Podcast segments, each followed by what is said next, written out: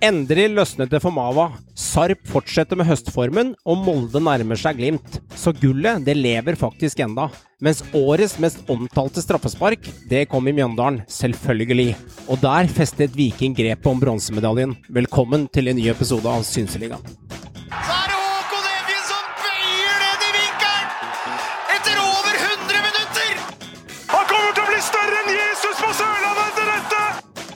Faen meg Folk pisser eller folk er likegyldige. Det er det verste som skjer med en fotballklubb. Det er faen meg undergangen, det. Og det er han som omtrent aldri skårer mål, som prikker den inn nede ved stolpen! Det, det jeg gleder meg mest til, er alle diskusjonene som kommer, og alle som kan alt om fotball, som dukker opp igjen og, og veit fasiten.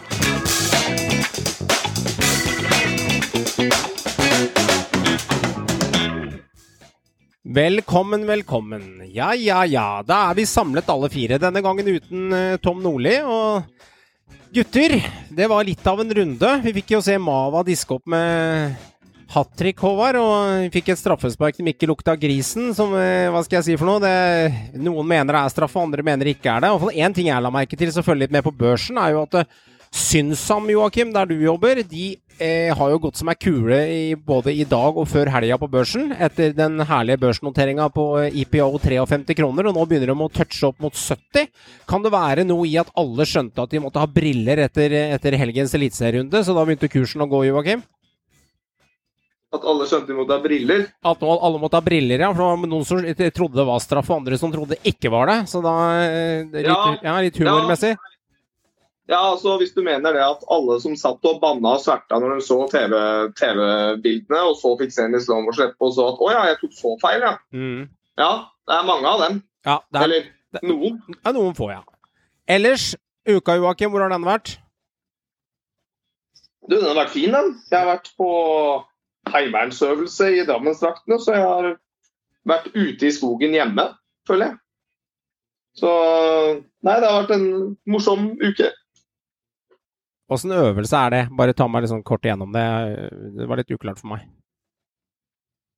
Nei, det, det, var, det er øvelse bare at det ikke er i skogen, det er i byen. Ok, Ja. Det har vært noen nyhetsoppdrag om noe greier om det òg. er Så der, der har jeg kost meg da i et par dager. Og så Nei, jeg har tatt helga, tok jeg helga og slappa av i helga, rett og slett. Blir fotball. Kos meg. Håvard, høsten begynner å røyne på. Jeg hører at du, du sendte meg en sånn takkemelding for noen dager siden, Håvard, etter det der Synseliga-tipset med at alle måtte ringe bonden hvis ikke det var nok ved igjen. Og det var hyggelig at jeg fikk en melding av deg også på at du hadde ringt bonden. Så eh, selv om du er en god venn av meg, så eh, du fikk ved i hus. Ja, det var morsom, du. Uh, det var kanskje litt morsom. Jeg er Eh, morsom. Jeg er jo morsom, jeg har jo sagt det før. Det var du som sjelden ser det. Har vel kjent deg for lenge, men Ja, det er, noe- ikke alltid like morsomt. det skal sies. Men Sant. eh, ved, det har vi faktisk begynt å fyre med, vi hjemme nå. Det, det begynner å bli kaldt om eh, nettene. og den er strømmen du også maser om, som hele Norge også tenker på, den er jo dyr. Ja. Så vi får fyre litt eh, med ved og kose oss nå i disse mørke høstkveldene. Og nå har det faktisk begynt å snø litt oppå Tranby her, så det er ikke lenge før jeg våkner til helt hvit eh, hvit eh, område med der hvor jeg bor. Og, og får et lite problem når jeg skal opp bakken med, med, på vei til barnehage og skole og tjo og hei. Så eh, ja da, det nærmer seg vinter her, her nå. Og eh, så har det vært en fin eh, fotballhelg og mye kontroverser og det som vi skal garantert gå i dybden på nå. Så det, det blir spennende. Ja, Meran. Fotballhelg. Hvordan var denne helgen Ja. for deg? Du, det det er traulig om dagen å være Stabæk-supporter. Det er det.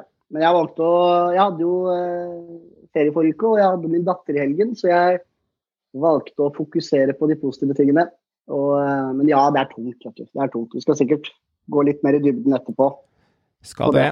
Tenkte vi skulle starte hos deg, Håvard. Hvordan var det å se denne Brann Rosenborg? Altså, du sender jo aldri en kjeft av en melding når Brann og Rosenborg spiller. Da er du tyst som graven. Der er jeg faktisk flinkere. Jeg melder litt på gruppa og holder på litt og er, er på, men du er helt under Alle jorda. gjør det. Det er bare å Det, det, det handler om fokus. Ja. Jeg vil ha fokus på kampen og være i min uh, sfære, min boble, om du vil. Ja. Så eh, da, da, da legger jeg fram mobilen litt og fokuserer på kampen. Og så, men så peprer jeg jo litt meldinger i pausen og sånn, da. Og eh, litt sånn eh, og så, og så feire litt når vi scorer. Da kommer det noen sånne flammer og litt sånn ja og liksom sånne type ting.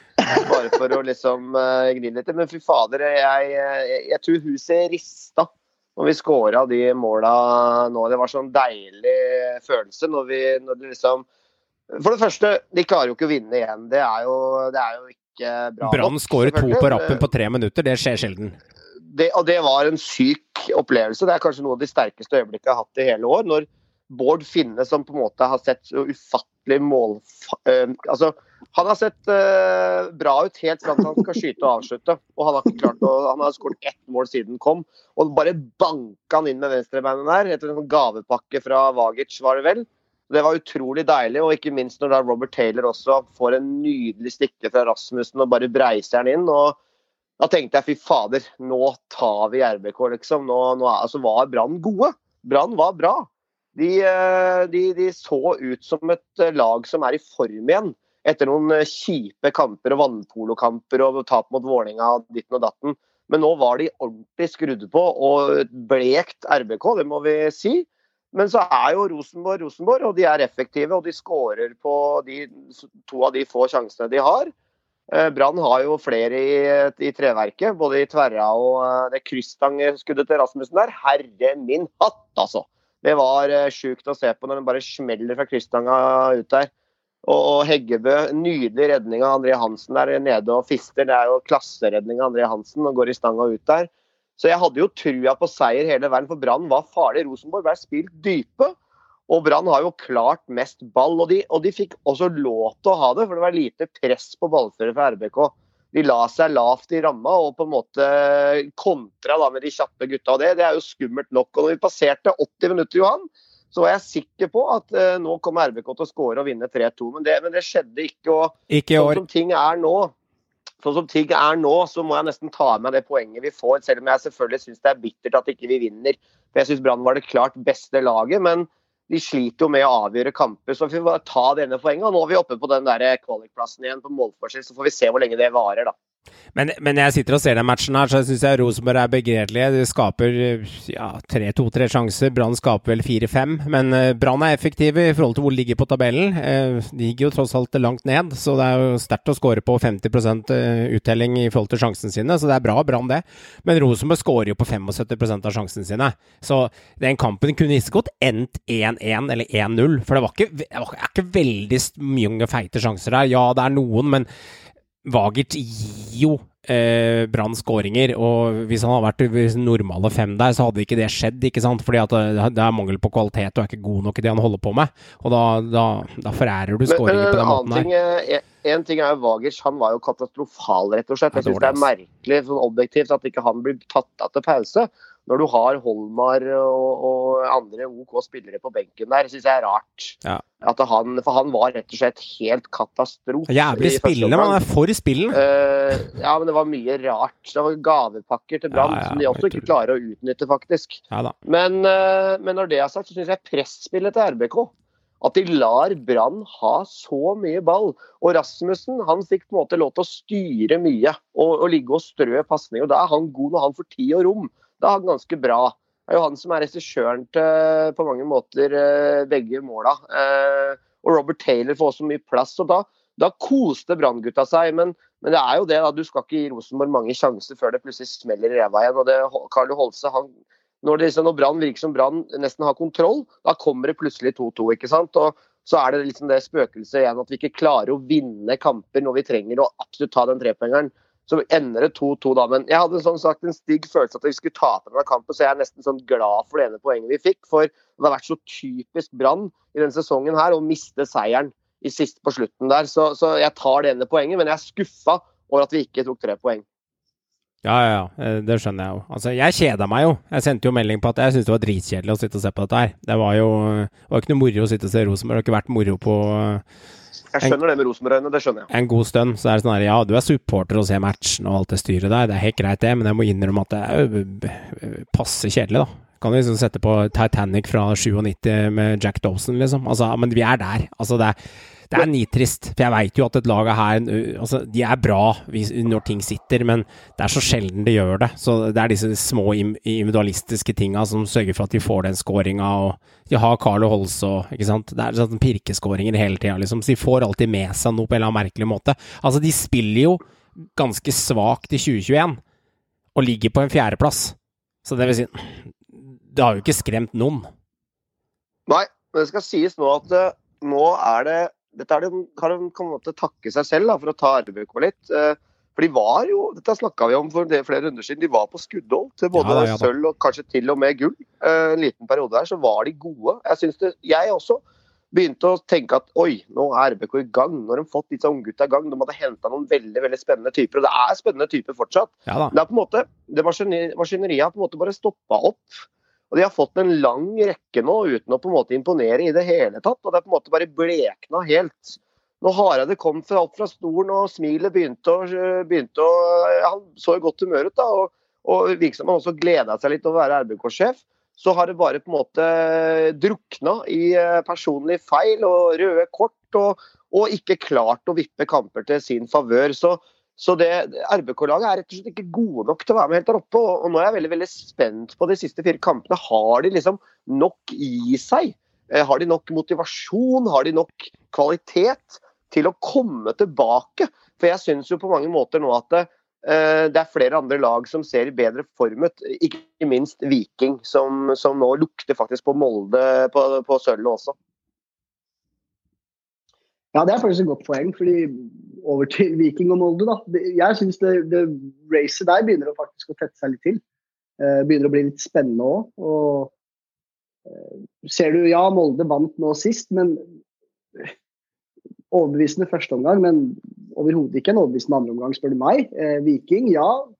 Eh, Men ta Molde, da. Ikke, ikke hopp så mye. Vi kan, eh, vi, vi kan legge Vi får ta det et lag om gangen, ja. Vi kan ta et Ja, vi kan og vi kan, Molde, vi kan ta Molde. da. Kjøre med en gang og snakke litt om dem. Fordi altså De slår litt tilbake der, de slår litt tilbake der Meran, etter at Bodø-Glimt på en måte får, får eh, en lita uavgjort der. Og så ender det med at eh, ja, de vinner som de skal. OI har en liten måltørke, vi kan kalle det det hvis vi skal være beinstrenge menn. Eh, men du kan ikke regne med å gå på, gå på fullgir i 30 runder heller. Men han leverer jo. Men det er faktisk noen kamper siden han skåra sist nå.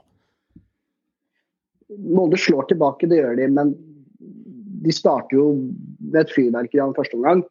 Og så føler jeg de setter på bremsen, som jeg føler er har vært Molde en liten periode nå. De setter på bremsen. De er ikke det samme Molde-laget fra, fra i våres. Uh, OI, ja Det er noen kamper nå, og de andre gutta snuser han i ryggen. Men uh, han må prestere for at Molde skal være stabil òg. Og hvis OI ikke skårer i hver kamp, da, så, så føler jeg at Molde har en litt dalende kurve. Jeg personlig Ja, det blir Glimt som tar gull, definitivt. Men, eh, men når Molde tar andreplassen, da må de opp til ringas hvis de skal, hvis de skal kjempe der inne. Ja, altså kan godt si det isolert sett at det, at det er sterkt for Molde å, å på en måte komme tilbake etter den gigantiske smellen i Drammen. For 6-0, det merker du når du liksom må nærmest offentlig ut og unnskylde. Det er det som på en måte er så vidt Mm. latterliggjort, at spillere og ledelsen nesten må ut og offentlig liksom si unnskyld til supportere og by og alt det der. Og du ligger fortsatt på andreplass i Eliteserien. Det høres nesten litt rart ut. De har tapt to kamper, men det er liksom måten det skjedde på i Drammen som ikke er Molde verdig som klubb. Et lag som, som har mål om å ta gull kanskje hvert eneste år, egentlig. Det er, det, det er der det er der det er blitt med Molde nå. Og du blir liksom pissa på og latterliggjort i Drammen mot et lag som nesten ikke har noe å spille for. Og Det er det som er så utrolig. Men, men å komme tilbake og lede 3-0 og, og til tider spille bra fotball, og det er jo heller ikke bare å, å feie over Sandefjord, det har vi jo sett i hele år. Jeg tenker at På mange måter så tror jeg de skal være fornøyd med den 3-1-seieren. Og at de også nå faktisk, da, for vi må jo være ærlige, de presser Glimt lite grann. For Glimt avjo, avga jo poeng nå i Haugesund. Eh, og det er fem poeng, så det er jo fortsatt mulig. Men jeg er enig med deg, Meran. Jeg har ikke noe trua på at Molde skal ta igjen Glimt. Glimt vinner det gullet. Og så må Molde passe seg for Viking, for de lukter dem i rumpa med tre poeng bak bare nå.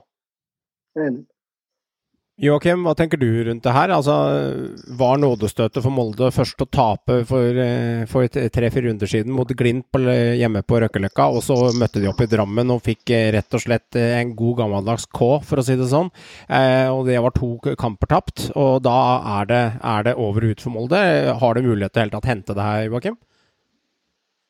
Nei, jeg tror, jeg tror, altså det muligheter har de jo, men jeg tror ikke Molde eh, går for noe gull nå. De skal være som vi har vært inne på, da, de skal være mer opptatt av å beskytte den sølvplassen.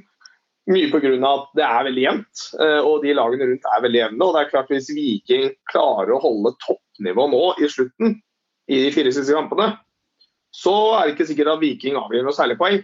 Eh, og Da kan ikke Molde gå på ja, Går de på én skrell til, da, så er de på samme. Det de har, da, som er fordelen deres, er at de har en helt sinnssyk målforskjell på Viking. Altså, det er, det er ikke i nærheten engang, så de kan gå på et tap til eh, og havne A-poeng med Viking og fremdeles ta sølvet. Så Det er jo den store fordelen. Så Jeg tror nok tabellen ender sånn den ser ut nå, med de tre på topp. Det tror jeg den gjør. Jeg tror, det er der, jeg tror vi har funnet de tre plassene på topp nå. Jeg syns ikke RBK jeg, jeg synes ikke RBK er gode nok til at jeg tror de tar igjen Viking. Jeg syns ikke de virker noe mer stabile enn Viking har gjort. Eh, de klarer ikke å avgjøre de kampene der, og nå er det andre sesongen på rad. Og, altså, jeg føler litt sånn, Helt ærlig så føler jeg litt på nå liksom RBK eh, de, de, de er blitt liksom et sånn tredje-fjerdeplasslag. Eh, de er ikke noe i nærheten av å være noen kandidat til, til noe sølvmedalje eller noen ting. Og de har ikke vært det egentlig i år, for de har fått som du har vært innom, de har fått mye i forhold til hva de egentlig har prestert. Og prestasjonene har vært dårligere enn fjerdeplass på mange områder. Så jeg tror det ender sånn. Jeg. Sånn som tabellen er nå, det tror jeg blir de tre på toppen til slutt. Eh, det, det må jeg ærlig innrømme i år. og det er mest pga. den målforskjellen som gjør at jeg er ganske sikker på at ikke Molde mister det til Viken. For jeg tror ikke Molde heller går på to skikkelig smeller til. Det tror jeg ikke. Altså Den siste sjansen til RBK for å på en måte melde seg på, det er jo faktisk neste runde mot nettopp Molde. Eh, det er vel eh, Molde-Rosenborg, hvis ikke jeg tar feil, på Aker i neste runde. Og med, hvis RBK vinner den, så er de to poeng bak Molde. Eh, de er fem poeng bak nå, hvis ikke jeg tar feil. Stemmer det, eller er det jeg som surrer litt nå? Jeg tror det stemmer. Jeg skal se her. De er Eller er de enda lenger bak, Johan? Nei, ja, de er lenger bak enn Molde. De er sju poeng bak. Ja, ja, ikke sant. Sju. Ja. Stemmer. Det er, det er, det er, men, er, men vinner de, vinner de, så kan de ha et snev av håp, da. Jeg, jeg blanda. Jeg blanda RBK og Viking. Uh, eh, RBK er vel fem bak Viking. Uh, eh, RBK er fire. Fire. Men, ja, fire. men du har rett. Det er, det er, vi, ja. vi, men vinner Rosenborg Molde, som du sier, og Viking skulle vinne den kampen, da er det plutselig 50-50 på antall poeng på Molde og Viking, og da kan det bli litt skummelt for Molde med sølvet. Og, og, jeg, og jeg tror ikke Rosenborg har noen sjanse på bronsa lenger. Det tror jeg ikke. Jeg Nei. tror heller det er større sannsynlighet for at Viking skal ta igjen Molde, faktisk. For det er kun tre poeng opp til Viking, og jeg syns de virker i bedre form, selv om de riktignok tapte mot Sarpsborg forrige runde. Ja, da, ja, da. Men så får de en griseviktig seier nå på Konsto, på overtid, med kontroverser som, ja. Eh, som bare det. Men, men de vinner. Og de legger veldig press på Molde nå, så Molde skal være jævlig glad for at de vant hjemme på Aker nå, og holder Viking fortsatt bak seg. For altså, det, det, er litt sånn, det er medaljefeber i Stavanger, og de er veldig fornøyd med en medalje, for å si det mildt. Du kan si en veldig fin ting, da, som er litt sånn artig. De siste seks kampene i Eliteserien, så har Viking fem seire og ett tap. Det er 15 ja. poeng, det.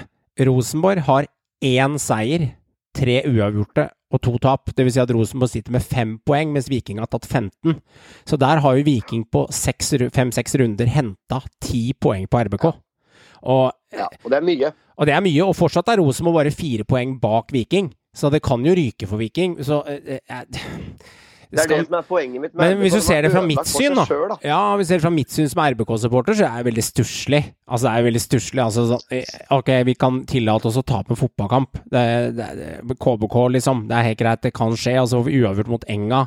Og så ender det med at vi ryker 0-0 eh, mot Haugesund. Det er å ryke, for å si det sånn. Produserer ikke en skitt. Og så taper vi hjemme mot Lillestrøm, som ikke skal skje. Enn den kampen som uh, var i, for, forrige uke. Uh, skal ikke tape mot Lillestrøm. Det er de siste 20 åra Rosenborg tapt én match mot Lillestrøm. Så statistisk skal du ta den. Og så eh, får du en eh, 2-2-kamp nå eh, mot Brann, som du skal ta Brann nå borte, selv om Brann er desperate, fordi det er for dårlig, liksom. Altså, de fortjener ikke mer. Det er, det, det er enkelt og greit. Altfor de alt, alt for mye surr. Men det lille positive i Rosenborg, da, det er jo å si at Tagsetten får spille litt, og han eh, Jeg trodde kanskje Jeg syns det er et artefaktisk å se at, det, at han kaster litt de spillerne man kanskje ikke trodde skulle ta litt tak der. Så bruker han de, men det er også litt skremmende at han må bruke de, fordi at skulle vi tida fire-fem måneder tilbake, så var vel ikke Edvard Hagseth han du regna med skulle spille de siste 15-20 rundene i Eliteserien, og han sitter jo med en åtte-ti kamper nå. Så han eh, For å si det sånn, han, eh, han, han har spilt mye fotballkamper i den perioden der. Så sånn. Johan, du må kutte. Du frøys helt, Johan. Lyden min er helt perfekt, den. Du, du kan bare fortsette å prate, du. Eh, Det går helt fint, Håvard. Eh, Jeg har full kontroll på lyd og full kontroll på bildet, så det går veldig bra. Jeg merker på discorderen om det skjer noe gærent. Så vi kan avskrive RBK, Håvard, i gullkampen. Vi kan si at Nei, i medaljekampen. Jeg begynner å være helt enig med dere nå at medalje også er kjørt frem. Ja, altså, jeg, jeg, jeg, klarer ikke helt å se at fem poeng, altså. Fire eller fem, eller hva faen, nå surrer jeg på det. Men altså, jeg tror ikke de er gode nok, rett og slett. Jeg tror det er for mye. Viking. Eh, og, og med den formen de er i. Altså, og så Glimt. eh, ja, de, vi, vi må snakke litt om de òg. De, de blir jo på mange måter redda Hugo Vettelsen igjen. da. Det er litt uh, pussig. Han, uh, han var jo veldig forbanna, sa han sjøl etter kampen nå, at han ikke fikk starte nå. Han har vært god for Glimt nå. Han har vært rett og slett god. Han har kommet inn og skåret i flere kamper på rad. Vært god i Europa når han har fått sjansen. Og, og som han sier, eh, i Glimt så rullerer vi ikke på laget. Jeg må gripe sjansen når jeg, når, jeg, når jeg får den. Og han kommer da inn i går og skårer to veldig fine skåringer. Og, og redder på mange måter det poenget ja, det det. til Glimt. Altså, De, de reder jo riktignok 2-1, altså kunne blitt matchvinner òg. Og så kommer Sande der, innbytteren, og, og setter, eh, setter den i nettaket. Og, og, og, men borte for Glimt mot Haugesund, som er en litt tøff eh, bortearena. Og de har liksom Roma-kampen i beina og, og sånne ting. Og de stiller med samme lag åkke som, ikke sant. Så de er nok litt kjørt nå. Men isolert sett så er det ikke dårlig med 2-2 i Haugesund. Det syns jeg ikke, faktisk. For det er et bra hjemmelag. Eh, Men, men de har nå en luke på fem poeng, og, og jeg er ganske sikker på, som vi andre også er, at Glimt kommer til å ta gullet. Eh, Det, det føler jeg meg relativt trygg på. altså. Det er litt artig at uh, Alexander Søderlund, Synseliga-vennen, uh, har faktisk to skåringer på tre matcher nå. Han har jo kommet litt i gang der, da, Joakim. Altså, han hadde jo en sånn klassisk pirkeskåring fra 2,5 meter inn der på, på 1-0 først der, Joakim. Ja, altså det er, det er jo gøy, det. Og det er jo godt å se at uh, han kan putte litt mål nå. Det er vel det tredje skåringa hans, er det ikke det? Ja, jeg tror det er andre, hvis ikke Tror det. Ja, vel opp i tre. Nei, han hadde jo en sånn derre Nei, han skåret bare ett mål nå. Ja, men, Han har tre nå. Ok. Ja, Ja. ja da var det to mål. Ja, det er, men det er godt å, godt å si at han kommer i gang igjen eh, konge- kommer i gang igjen når han først har kommet eh, hjem igjen, da, for å si det sånn. Det er jo hyggelig å få litt på. Eh, Men det som også er litt viktig i forhold til den gullet du tenkte på akkurat direkte med Glimt òg, er at de får den pausen nå. Og det tror jeg de får godt av. Nå er det jo en uh, to ukers pause med norsk uh, spill i Eliteserien. Vi, vi skal ikke glemme det at eh, den konstellasjonen til Glimt altså Det har vært en helt ny midtbane. Eh, etter at Saltnes og Berg forsvant. Det er Elias Hagen, det er Konradsen, det er Fett. Det er det som er trioen.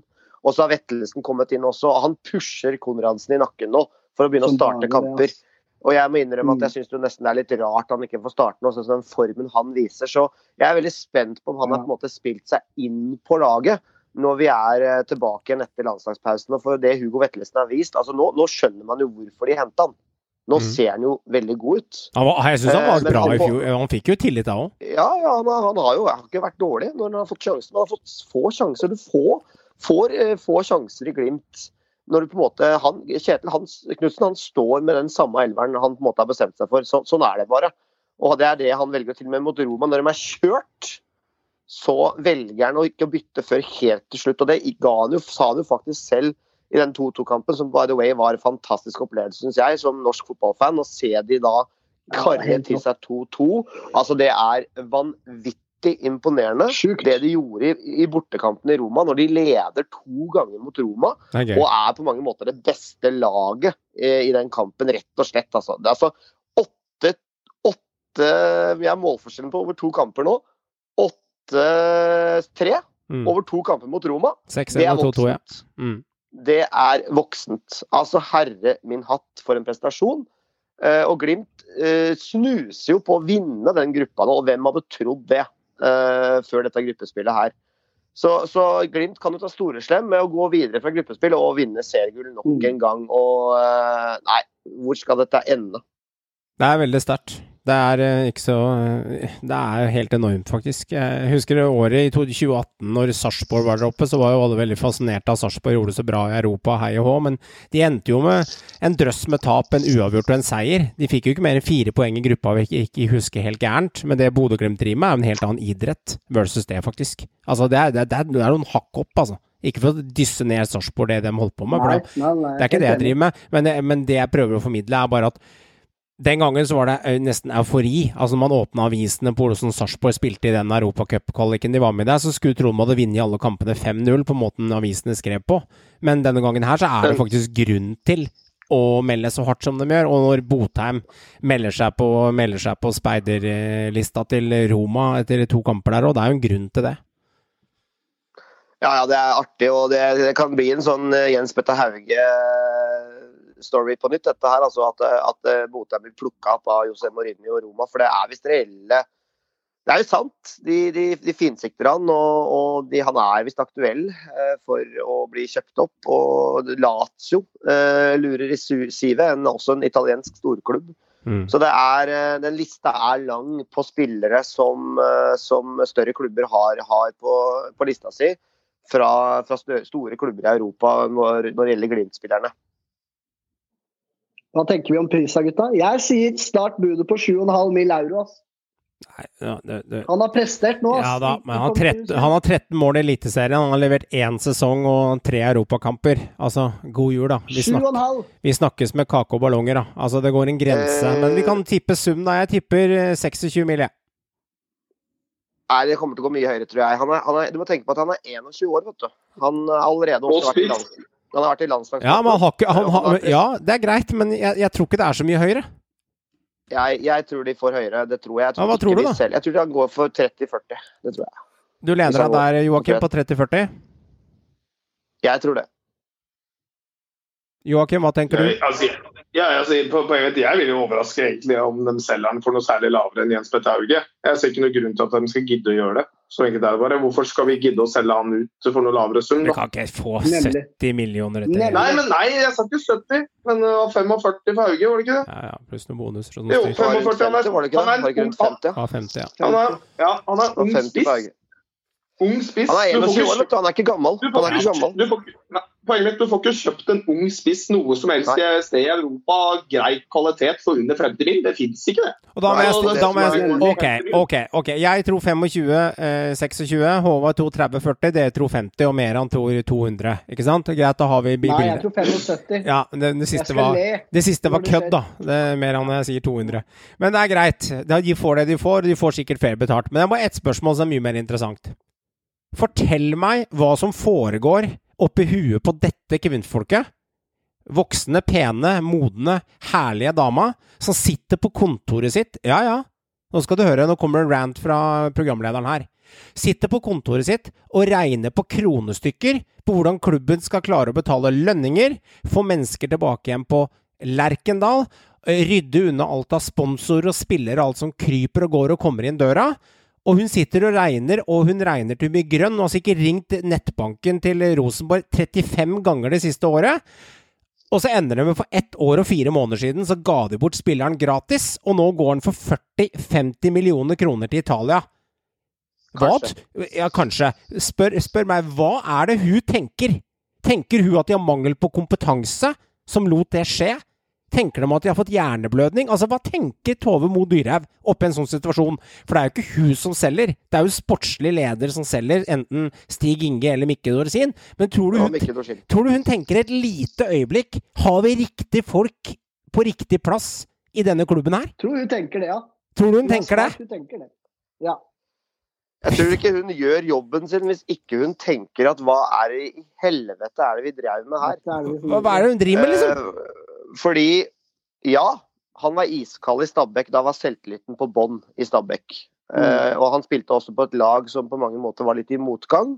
Og han hadde ikke hatt noe god opplevelse i RBK på lang, lang, lang tid. Men han kommer da inn i Glimt. Han øh, er heldig på mange måter. Ut ifra prestasjonen så skulle ikke han havna i Glimt. Og han får tillit fra dag én. Han er heldig at Boniface også blir skada. Fordi da blir han spiss nummer én. Uh, og de har heller ingen stor konkurrent. Og, og, han brukte tid, Botheim. Han har blitt kalt inn på kontoret til Kjetil Knutsen i starten av sesongen. Nå må du steppe opp, skal du ha noe her å gjøre. Og det har han virkelig gjort til gangs. Fordi ja, han har skåret 13-14 mål i Eliteserien, men han har også skåret mye mål i Europa. Han har skåret faktisk nesten 20 eh, goller totalt. Håvard, dette vet vi. Eh, Jeg bare, ja, så, ja, men vi skjønner statistikken hans. Bare svar meg på spørsmålet som er litt viderekommende. Ikke hvor mange mål han skåra mot Sogndal og Ullkisa og Brann. Altså, dette skjønner vi. Han har levert. Han er på blokka til en stor klubb i Europa. Ganske stor. Hva er det som foregår i huet på en ledelse når sånne ting holder på? Jeg tenker en oppsummering av karrieren hans. Forklar meg det. Ja, men jeg blir, jeg blir forbanna. Ja, men du må ikke la det gå utover meg. Nei, nei, nei, men jeg bare Jeg, jeg, jeg skjønner ikke hva han har levert. Altså, det forstår vi. Det, er jo kanskje litt greit å oppsummere hva han faktisk har gjort. fordi at Det er derfor det også virker så utrolig eh, egentlig hodemist å gi bort en ung spiller på 21 år gratis til en konkurrerende klubb. For det er det det har gjort. Og ikke nok med det, så har de gitt bort Gustav Walsvik gratis til eh, Godset. Ja, det er blåbær i forhold. Som var, ja, som, var stor, som var, storspilt og kanskje en av årets stoppere. Og så har du også en Gjermund Aasen som var eh, spilt inn fra Åge. Skulle gjøre en rolle på RBK2, som også har storspilt for LSK. Ja, han hadde kanskje ikke vært noe kjempeviktig spiller for RBK, men du må stille spørsmålstegn på hva Rosenborg har kasta bort gratis til andre norske klubber. Det er ikke bra håndverk. Vi bidrar i hvert fall da, til at de andre får litt glede. Det Håvard starta med å si, da, tror jeg egentlig oppsummerer hele greiene. Fordi det som er, er at uh, Botheim han ble kalt inn på kontoret til Knutsen og fikk beskjed nå må du skjerpe deg, nå må du steppe opp hvis du skal ha noe her- å gjøre. Jeg, det, det er ingen Rosenborg som har sagt det til han. De har bare latt den ligge der. fordi Han, ikke, han skal ikke være førstelagstopper, så han behøver egentlig ikke å prestere. Det tror jeg. Han har bare vært der. Han kan spille på andre lag, han kan være reserve. Det er ikke så farlig hvor si, Altså, det, er en, det, ja, det du sier der, er jo en påstand, da. Vi vet jo ikke om de har tatt Jo, det er, ja, men det er påstand, helt riktig. Jeg tror vi påstå, jeg tror, han, jeg tror han aldri har hatt en sånn samtale med en Rosenborg-trener noensinne. En samtale om at hvis du skal spille førstespillet her, så må du steppe opp. Og da, fordi i det så sier han jo også For da satser vi på deg. han hadde Hornland i et år, da, og han Hornland er ganske hard, altså. Ja, men han har ikke fått inntrykk av at de har tenkt å satse på den. Nei, jeg, jeg, jeg, skjønner. De har ikke giddet å tatt den samtalen. De har ikke giddet å pushe han på akkurat det punktet, fordi de har tenkt at de har andre spillere som de har ønsker å satse på. Dette Ja, er ja, er reservemannen. Så vi synser er at ikke han har fått det bredden på krav- skipet. Ja, Ja, Da kan han holde inn, og så gjør, prøver han å gjøre et eller annet på slutten. Men er det, det, er rart, er det rart, Joakim, man blir frustrert? Å sitte og se på sånne ting som det? Altså, det- går helt Men, eh, bra. Det, jeg er ikke så frustrert over det at. Ja, ja, vi har jo ikke sagt Det lenge er at den ikke første spilleren. Nei, vi har jo ikke Det- sagt er lenge Altså, vi må ikke si. Hør nå, hør nå. hør nå, hør nå. Nå må vi ikke sitte som supportere og tro at vi vet alt. Alt hva Rosenborg gjør er ræva, og alt hva andre- andre klubber gjør er bra. Det er ikke dumskaller på Lerkendal som jobber der. Det er fagfolk der også. Så spørsmålet mitt er Hva er det som har gått gærent her på veien? For det er jo ingen dumme folk som sitter på Lerkendal. Det er masse kompetanse der. Feighet. De tør ikke å satse. Ja, de Jeg- jeg trygt. Jeg syns også, eh, for å si det litt konkret, da eh, Dino han var henta inn for å være spiss nummer én. Du henta også Rasmus Widesheim Paul eh, litt i samme tidsrom. Og du har også henta nå Noah Shan Holm. Han kommer etter at Botheim er dratt. Men Botheim fikk aldri Han var også der under Bentner og Søder, faktisk. Han har alltid vært tredjevalg. Kanskje, kanskje han var et lite andrevalg i en liten periode, men han skårte jo eh, hat trick i én kamp, og så har det knapt vært noen skåringer siden. Så poenget er, han har vel egentlig aldri fått en reell mulighet at vi skal satse på deg, Erik Botheim. Du skal få lov til å blomstre. Som de gjør med Noah Shan Holm nå. Det er det de gjør med Noah nå. Han får tillit. Han skal satses på. Det har aldri Erik Botheim fått. Det har han fått i Glimt. Han har fått til, han blir tatt i varmen, i et trygt system. Du kan prøve og feile, men vi krever at du stepper opp. Vi krever at du legger deg i hardtrening. for å forstå systemet og hvordan vi spiller fotball. Og sakte, men sikkert begynte han å skåre uh, bøttevis med mål, og også blitt en mye bedre fotballspiller. For det må vi også ta med her. Han har blitt mye bedre i banespillet. Han skjønner hvordan Glimt nå spiller. Han er ikke bare spiller ikke for seg sjøl og skal skåre mål og bli helt. Som det så litt ut som RBK til tider, når han skårte mål og feiring og ditten og datten. Han er en del av et kollektiv, han skjønner rollen sin. Det er en stor forskjell. Der er Glimt ekstremt dyktig, best i Norge på å få spillere til å forstå rollen sin. Og, og det er den store forskjellen, at han, han har fått tillit og trygghet til å blomstre. Og derfor har han blitt så god som han er nå. Han hadde jo og nå aldri kanskje blir solgt. Han hadde jo egentlig aldri, aldri, aldri sannsynligvis lyktes i Rosenborg heller, da. Sannsynligvis hadde det sannsynligvis aldri gått Nei. bra. Men Dino han har fått mye, mye tillit og muligheter uten å egentlig få det til. Så noen får det, andre får det ikke. Men når du sier det igjen, da, så er jo da, må du jo stille spørsmål, da.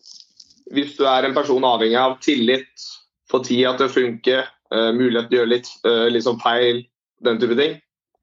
Og være da spiller under José Mourinho som en ung spiller. Lykke til. Det er ikke sikkert det er det dit han skal gå med det første. For å Nei, si det sånn. jeg, jeg, jeg, jeg tror kanskje ikke det er det første toget han bør det, velge. det, det er noe annet. Det er noe én ting han skal ha, da. Han er i hvert fall, han er i hvert fall frekk nok i personligheten og cocky nok, eh, hvis han bestemmer seg for å være det. For han har jo blitt mye mer ydmyk det Ja. siste året, til å kunne mestre og stå litt i vinden. Det, den personlighetstrekket har han. Det, det skal ingen ta fra han. Og han er jo en artig skrue Botheim. Jeg syns det er litt gøy han lykkes, altså jeg må innrømme det. Han Ja, er ja. karakter. Er Han er type. Men når vi snakker om rykter, det må vi ta her nå. eh, fordi det har kommet fra rykter eh, når det gjelder Kjetil Knutsen. Eh, det må vi ta, ta opp. Det er rykter som, som har begynt å svirre fra England om at Norwich, som da ligger sist i Premier League og har Mathias Nordmann, de har jo nettopp sparka treneren sin. Når de tok sin første Da fikk eh, Daniel Farke fyken. Uh, og det ryktes sterkt at uh, Kjetil Knutsen er veldig veldig hot på lista der. Han og Frank Lampard faktisk uh, seiler opp som favoritter på, på oddsen om, om hvem som skal ta over. Så det, er, eh, det begynner å svirre rykter om utenlandske klubber. Og da, Da går de, da går de for onkel og- og Frank. Da går de for onkel Frank. Ja, eh, vi får se. Men jeg tror, uansett nesten hvem som kommer på døra, så tror jeg at Kjelten Knutsen blir ut sesong. Ja da. Og jeg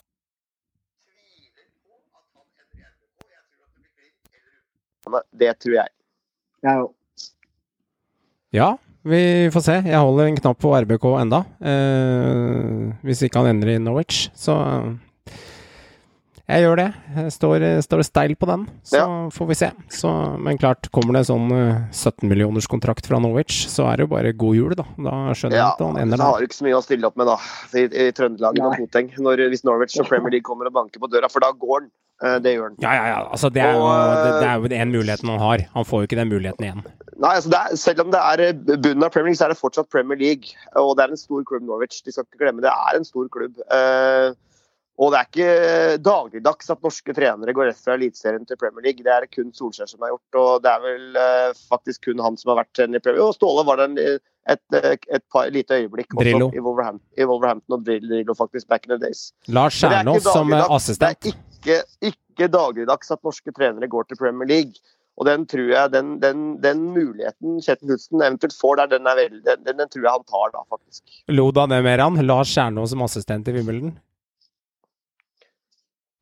Ja, Jeg bare tenk, bare tenk, tenk deg han snakker engelsk hele dagen, da. herregud. Hæ? Altså. Bare det Ja, er vilt, jo merkelig. Trond. Andersen og sånn spilte, spilte der og var helt vilt. Det var sånn norsk Andreas eh, Lund Helt håpløst. Sånn, okay. holdt jo nesten plassen, da, men det gikk til helvete til slutt. Ja, det var Ja. Det var, det var Men det er en annen sak. Men uh, det blir spennende å se altså, om dette Glimt-laget faktisk rakner da, etter Nei, sesong. nei, nei. Det, altså, ja, ja, ja, Altså, altså vi, har, vi har jo sett det før. Det, det, det, ikke, ikke at det rakna, men det forsvant jævlig mange. Men når, hvis Kjetil Knutsen, Åsmund Bjørkan, som også da trodde det er linkeste start Jeg vet ikke om jeg har nevnt det, men han til fatter start ikke det, altså. Eh, og, og, og, og mange andre rykt, løse rykter. Sarpsborg har vært nevnt faktisk også. Eh, hvis eh, de går, som har, som har på en måte reist byggverket, og så har du da eh, Berg, Bjørkan, Botheim, eh, kanskje til og med flere, som forlater denne Glimt-skuta, så jeg er spent på om de klarer å bygge den opp igjen til å prestere og skal vinne nytt seriegull. Ja, det blir i hvert fall enda altså. større prestasjon enn i år igjen. Da Ja, blir det tripp trapp tresko hvis de klarer det. Ja, ja. Vi får se. spennende. Vi får la gudene og spåkula til lille Bendris avgjøre det. Eh, Men denne spåkula til lille Bendris, eh, Meran, den trenger dere på Nadderud også. Så for nå ser jeg at du henger med geipen, altså. Huff. Ja, hva skal jeg si.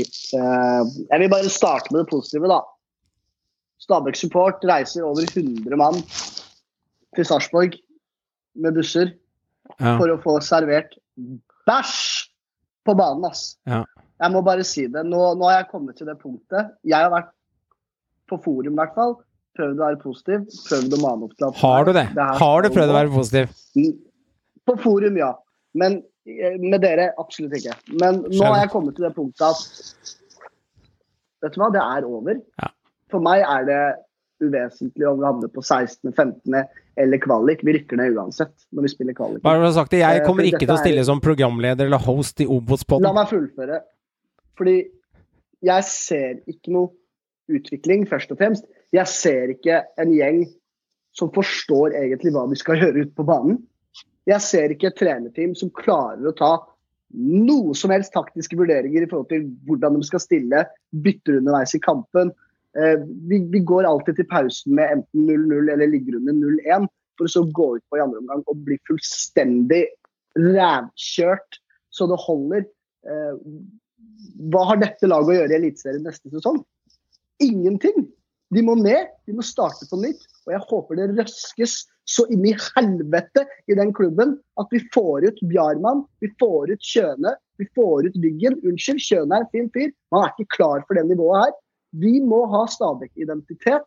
Vi må ha noe kultur i den klubben, og det må vi ha våre egne. Tom Stenvold trener Lyn kvinner. Jeg skjønner faen ikke hvorfor han gjør det. Få han til klubben med en gang som hovedtrener, med Belsvik som assistent. Vi må begynne der. Og så må vi begynne å røske i den stallen og gå tilbake til identiteten vår. Og ikke ha det rælet vi har nå. Start på nytt. Okay. Få ut folk. Få inn identitet. Så ja, men Ja, altså- det. Ja, ja, men det, altså det er jo altså det som er faretruende, som er virkelig fælt altså det ser, En ting er poengene, da. Men sånn Stabæk de har jo skåra minst mål, sammen med Mjøndalen, som ikke skårer mål. De har sluppet inn desidert flest. Og de har da den dårlig, absolutt dårligste målforskjellen i hele Eliteserien. De har tatt flest kamper. De har tatt halv, over halvparten av alle kampene de har spilt. Så altså det, altså, er veldig, Jeg er litt enig med deg. da. Altså, hvis den mot formodning, nesten, vil jeg si nå, for jeg syns Brann virker mye sterkere, men mot formodning klarer å kapre den kvalikplassen, Mm. så da, da er ja, jeg tror de kommer til å skjelve i de kvalikkampene. Og jeg tror at kanskje Stabæk er laget som er dårligst rusta av de tre for å spille en kvalik. Jeg tror både Brann og Mjøndalen vil stille sterkere i en eventuell kvalik da, enn Stabæk gjør. Mye pga. det du sier, da. Det, det er liksom ingenting. Mjøndalen har begynt å få litt sånn MIF-preg over seg iblant. Det er, for, det er ikke bra nok, men det er liksom litt sånn De klarer å dra i land liksom en trepoenger, og så klarer de å dra i land en uavgjort. Og Brann har begynt å få litt damp nå, i hvert fall spillmessig, selv om de fremdeles mangler, mangler resten. Men Stabæk ser jo helt likt ut nå som de gjorde egentlig for et halvt år siden. Altså, det er ikke noe forskjell. da. Det er akkurat det samme. Det er liksom flipp som app. Uh, Det er så trist, det er så trist, for det smerter det er det. hjertet. Jeg ser den. Men, eh, Jeg må innrømme at av de tre lagene, sånn objektivt sett, så, så ser Stabæk ut som det dårligste laget. Og jeg må innrømme som Brann-fan, jeg er mer redd for MIF, selv om de ligger to poeng bak. Så jeg er mye mer redd for VIF enn jeg er for Stabæk, selv om da Stabæk ligger likt som Brann poengmessig. Eh, Og de fikk en heldig seier nå sist, og de kara til seg poeng i Bergen med dette her eh, flaksemålet, som jeg kaller det. De tryner på grill og inn. Og, og angrepsspillet til Stabæk ja, det var en ekstremt bra prestasjon av Bolly eh, når de, når de vant uh, mot uh, Herregud, hvem var de vant mot sist, uh, Meran? Jeg husker ikke sjøl. Jo da. Var det Nei, slo sist? Haugesund 2-1. ja. Fint mål av Bolly, og Bolly skårer jo igjen, så kanskje han er en spiller som er litt i form, da. Han har skåret i to mål, to kamper på Han skåra sist kamp nå. Han skåra mot Ja. Sarpsborg. Men det er, men folkens, men det er dødt løp på tabellen, da. Ja, det er dødt løp, men jeg må jo innrømme sånn objektivt sett også, men også som Brann-fan, så syns jeg at mitt eget lag ser jo klart best ut av de tre. ja, sant. Spillemessig. Spillemessig og poengmessig de siste ti kampene så er Brann Ja. eh, Brann, eh, best. Men uh, du veit aldri. Det er fire kamper igjen, og, og, dette her kan bli snudd på huet om et par kamper igjen. Og plutselig så får da Miff en heldig seier, og Stabæk også til og med klare. Så det er, det er dødt løp helt til the bitter end. Men jeg tror jo også at Stabæk av de tre faktisk er dem som uh, ligger dårligst an. Altså. For jeg syns det er så lite kvalitet i spillet. Og det, det ser ut som de nesten har gitt opp litt. Så er det jo viktig å påpeke her da, at ja, jeg slakter eh, Stabæk veldig ofte i den podkasten, og det er litt rart med tanke på at det er mitt lag. Eh, men jeg gjør det jo for jeg elsker klubben. Altså, Jeg kunne vært likegyldig gitt faen, men, det, men det, det, kan jeg ikke. Jeg det, er, det er ikke så mye juble for heller, da, når ligger der. Det er ikke greit, liksom! Det er ikke greit å være sportssjef i to år og ha den søppelstallen her. Må ut av klubben min! Ja, og så har vi sittet her, eh, og så har vi sittet her siden, i, i, siden april, Meran. Det er et halvt år. Og du har fem seire. Altså, det, det, det er jo ja, det, er det er trist, liksom. Det er veldig trist. Det er ikke Det, det er ikke greit. Nei, det er, det, det er stusslig. Og det, blir ikke I Brann av fire, da, greit, med uavgjort og sånn. Det, det, er jo ikke ofte man drar i land Det er ikke mye å juble for, for å si det sånn. Nei, det er jo det er traurig. Det er jo traurig. Det, det, er jo tre ordentlige søppellag i bånn der ja, ja. Som, uh, som, slåss om å være minst dårlig. Skal jo ikke være mulig for enten Brann eller Stabæk å overleve egentlig med fire-fem seire, men det er jo faen meg mulig, det òg. Da kan du også tenke hvor dårlig det var og ikke klarer å vinne i en så viktig kamp. Det kan jo hende, for å være litt stygg i kjeften her, eh, at alle tre går ned. For la oss si Brann tar kvalik, da. Mjøndalen og Stabæk går rett ned. Og så ryker Brann mot et sånt eh, Bola Obos-lag som bare går for alle fem. ikke sant? Og da er helt gærne ville hester på tunet. Altså, det, det, for, det kan jo hende at den går ned, dem òg. For å ta den Obos-greia litt, for nå, nå, er jo, det må vi jo gratulere og si, HamKam og Kjetil Reital er tilbake i det gode selskap etter mange, mange mange, mange år i elendigheten, både nede i PostNord og også mange år i Obos. Og nå er de tilbake i Eliteserien. Og jeg, jeg, må jo innrømme at jeg syns det er gøy. Jeg syns det er gøy at, ham, at HamKam og Kjetil Rekdal, ikke minst, han er jo en karakter, både på godt og vondt, at han er tilbake i manesjen fra neste sesong. Det syns jeg, synes jeg er gøy. Og gratulerer til Hamar og Briskebymanden for at de har rykka opp. Ja, og Innlandet er jo Også, favorittstedet til Synseligaen, så det er ja. veldig glad at HamKam kommer. Og så har vi jo Lars Arne Nilsen da, og Ålesund og Kristoffer Barmen. De ligger uh, veldig veldig godt an med en sliteseier nå sist, med å ta uh, plass nummer to. Jeg tror de har uh, fire eller fem poeng på lag nummer tre. og det er to kamper igjen. Så de har jo dette her i sin hule hånd, Ålesund. Og de kommer veldig trolig til å bli lag nummer to som rykker opp. Og så er det jo et race med lag som kan ta den eh, playoff-plassen. Og, og jeg, eh, det er nok Jerv og Fredrikstad som kanskje er de klareste uh, kandidatene til å, å, å, skal spille playoff. For det er jo sånn at det nederste laget vet du, det må jo slå alle lagene oppover uh, for å på en måte komme seg til den playoffen. Så jeg har en liten følelse at det er Fredrikstad jeg, som, som, det blir i, i, kvalik. Og det er ikke noe lag å kimse av der og skal stå i. For det blir jo én kamp. Det er én kamp på Intility ja, okay, der alt skal avgjøres. Ja, det, er det, er ikke to kamper. Fredrikstad er hjertelig velkommen. Det er, eh, det er, gode minner og mye folk. og Det er bare trøkk i luka. Det er uh, artig hvis de skulle gå opp til Eliteserien, faktisk. Det hadde vært, uh, vært kult. Få hevd snittet litt på publikum òg. Det har faktisk en god del å si for produktet vårt.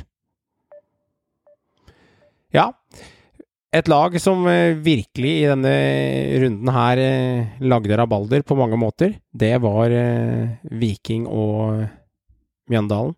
Og jeg må jo si at det vi fikk servert i den kampen der, av det straffesparket på slutten, det har det vært utrolig mye diskusjoner rundt. Og dette straffesparket Så hvordan er det vi skal starte å oppsummere dette her, Håvard? Mjøndalen Viking. Dette straffesparket. Ordet er ditt, du kan starte.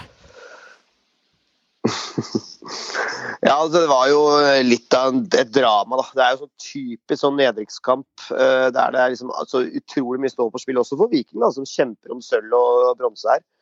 Men eh, jeg må jo si at eh, jeg syns jo den straffa til MIF den er for så vidt grei. da. Eh, først, den er jo det, er, altså, det, er jo det, sier litt om MIF, hvor dårlig de er egentlig. Men det er jo det eneste de har skapt så å si hele kampen på hjemmebane i en sinnssykt viktig kamp. Og så får de da det straffesparket, og så er det da Mister Mjøndalen, Gauseth himself, som skal gå fram og ta det og brenner. I en så sinnssykt, kanskje det viktigste sparket han har tatt på lang, lang, lang, lang tid godeste Gauseth. Så er det 0-0, og så får da eh, Er det faktisk Mai Traore, som er nettopp kommet inn, som banker til på Dirra. Og smeller ballen midt i trynet på Niklas Vasa, som for øvrig har gjort en god kamp som stopper. Og da ser det jo ut som eh, at ballen går rett i trynet hans og ut igjen. Eh, det tror jeg, som seer, at hva er det som skjer her? Nå får Viking straffe, og han får ballen midt i trynet, og ballen spretter ut. Men dommeren har sett noe som ikke vi ser på de sendinga. At eh, når ballen treffer ansiktet til Valstad, så går den eh, ned og treffer han i armen, som da står kunstig ut fra kroppen. Eh, Dette så ikke jeg før eh, de tok det på slow motion på sendinga på runden. Og da så jeg at det straffesparket det var korrekt, selv om det er utrolig bittert at det skjer på den måten at du får den i trynet og så går den i handa di. Men det er straffe, for armen er ut fra kropp, og da er det korrekt av dommer, eh, mener jeg. Og da Viking skårer, så selvfølgelig er det bittert for MIF, og det er jo naturlig at de sier at dette er vi ikke enige, og dommeren er på jordet og ditten datten, han må være flau over det han har gjort, og, osv. For Vegard Hansen og Gauseth og gjengen, de slakter han jo. Men etter at eh, man så dette her på slow motion og sending, så ble jeg overbevist om at det er straffe. Ja. Det er, altså, ikke, ikke, ikke, det er jo ikke bare overbevist. Altså, når du ser det Morsen, så er det soleklart. Altså, det er, det er, Ja. Du er blind hvis du ikke ser det uh, i slow motion, i min mening. Det er helt åpenbart. Og måten, altså, det som husk at måten, det dom, Dommeren så heller ikke, og det sa han egentlig hvis du hørte intervjuet, han så ikke nødvendigvis at ballen traff den i armen. Men det han så, det var den refleksen armen fikk. Hvor armen går fra liksom å stå nesten rett ut av parokken til å sle kastes bakover. Veldig unaturlig. Eh, det så han. Og når du ser den i slow motion, så er jo det fordi at ballen går fra trynet og inn dit. Men jeg vil også skyte ned en ting. Er apropos, vi snakka om Stabæk i stad, med lag som spiller ræva. Okay. Det Mjøndalen-laget der, Ja. de klarte, de klarte å Som Håvard var inne på, ja, de klarte å få et straffespark. Det var alt det laget klarte å Ja. få til på hjemmebane i en sånn kamp. Eh, Så altså, resultatet det er, jo, det er jo uten tvil fair uansett. Og skal de begynne å klage, da får de begynne å klage på seg sjæl. Når du spiller så ræv, og så bommer du på en straffespark, og så får du et annet imot etterpå, som ja, viser seg helt korrekt dømt. Eh, og faktisk, jeg vil si soleklart i slow motion. Absolutt ikke på banen, for jeg er helt enig med eh, Håvard òg. For meg så så det helt latterlig ut at de fikk straffe. Det måtte slow motion til. Men Mm. å klage på det for å skylde på kampen, da viser jo hvor lite tiltak du har i hodet da å komme med. da. Når du ikke ser at de skulle jo sannsynligvis ha tatt 4-0. Altså, Den ble overkjørt hele kampen. Så det er vel egentlig det jeg vil si ja, om den saken nå. Um, I og for seg helt enig. Beste laget vant. Mjøndalen var ikke bra. Men uh, jeg forstår argumentene til Joakim og Håvard veldig godt. Uh, det som for meg da gjør det at for meg så føler jeg egentlig at det ikke er straffe, og jeg skal forklare det hvorfor, selv om det høres rart ut. Slik jeg ser det, spilleren blir skutt på i en høy hastighet, og det ser du basert på uavhengig om ballen treffer armen, ansikt eller ansiktet og armen. Han blir beskutt på, og du ser at han fyker bokstavelig talt 50 cm bakover. eh, basert på kraften av skuddet. Eh, og jeg tror faktisk ikke at vi kan stå her etter flere år med dårlige dommeravgjørelser og si at det her var så bra sett av dommeren. For så god er faen ikke dommeren. Eh, I hvert fall ikke den dommeren. Eh, jeg, kan skjø jeg skjønner argumentene. Er han borti armen, så er det selvfølgelig straffe. Men jeg mener at han blir beskutt. Han blir bokstavelig talt skutt på. Eh, han fyker bakover. Det er ikke straffe. Og jeg er uavhengig av om han treffer tryne, arm, arm, tryne. Eh, jeg føler ikke han oppsøker den ballen med hånda, eller med armen. Men ifølge regelverket så er det straffe. Da, Da er det jo straffe. Regelverket er- men Men du blir jo, du blir jo beskutt. Jo, jo, men det er samme det. Altså, det er mange urettferdige straffespark her i verden. Selvfølgelig er det det. Men armen er ut fra kropp, og den treffer armen. Det er en straffe. Men det er et men her. Og det er at jeg er enig med dere. hvis den toucher arm. Jeg ser ikke at den toucher arm, og jeg har sett reprisen 18 ganger. Både i studio i går og i dag, før jeg lagde agendaen til oss gutta. Så prøvde jeg også å se den igjen. Jeg, jeg klarer ikke å se det. Ok, mulig jeg må ha briller, så får jeg gå til innkjøp av noen briller, da. Får velge mellom Specsavers eller Synsamp til Dra Luka. en tur til Joakim. Får gjøre det. Men det interessante er Dommeren sier også, som Joakim nevnte her i stad, at han ser en sleng på armen som gjør at han får en sånn resonans på armen som slår ned en unaturlig sleng, som gjør at det blir en sving på kroppen. Så det er det han dømmer på. Ergo, han dømmer ikke av sett at den har gått i armen. Han skal dømme på det han ser, Jo. ikke på Ja, men la meg fullføre nå. Jeg snakka i 14 sekunder, jeg holdt på i to minutter hver av dere. Og det irriterer meg litt i en så viktig kamp. Du skal være ganske klink sikker for å dømme straffe i en sånn situasjon som det, når det går så fort. Den ballen skytes til 142 km i timen, det er ikke langt unna. Da skal du vite hva du gjør. Det er ikke 26. minutt å stå 1-1, altså. Du kan sende et lag ned og gi et annet lag bronsemedalje i ligaen. Du skal være litt forsiktig med det. Og han sier sjøl at ikke han ser det, men han ser armen får en sleng. Han sier bare der at ikke han klarer å se det. Og nå Veton, eh, Vegard Hansen, Gauseth Jeg skjønner at de er inhabile, for de er Mjøndalen-spillere. Men Veton, eh, eh, og i tillegg treneren til eh, Viking, etterpå eh, forteller at det, ja, vi var kanskje litt heldige der, når de ser, ser reprisen. Hvordan i huleste kan dommeren klare å se det så rask, rask hastighet da?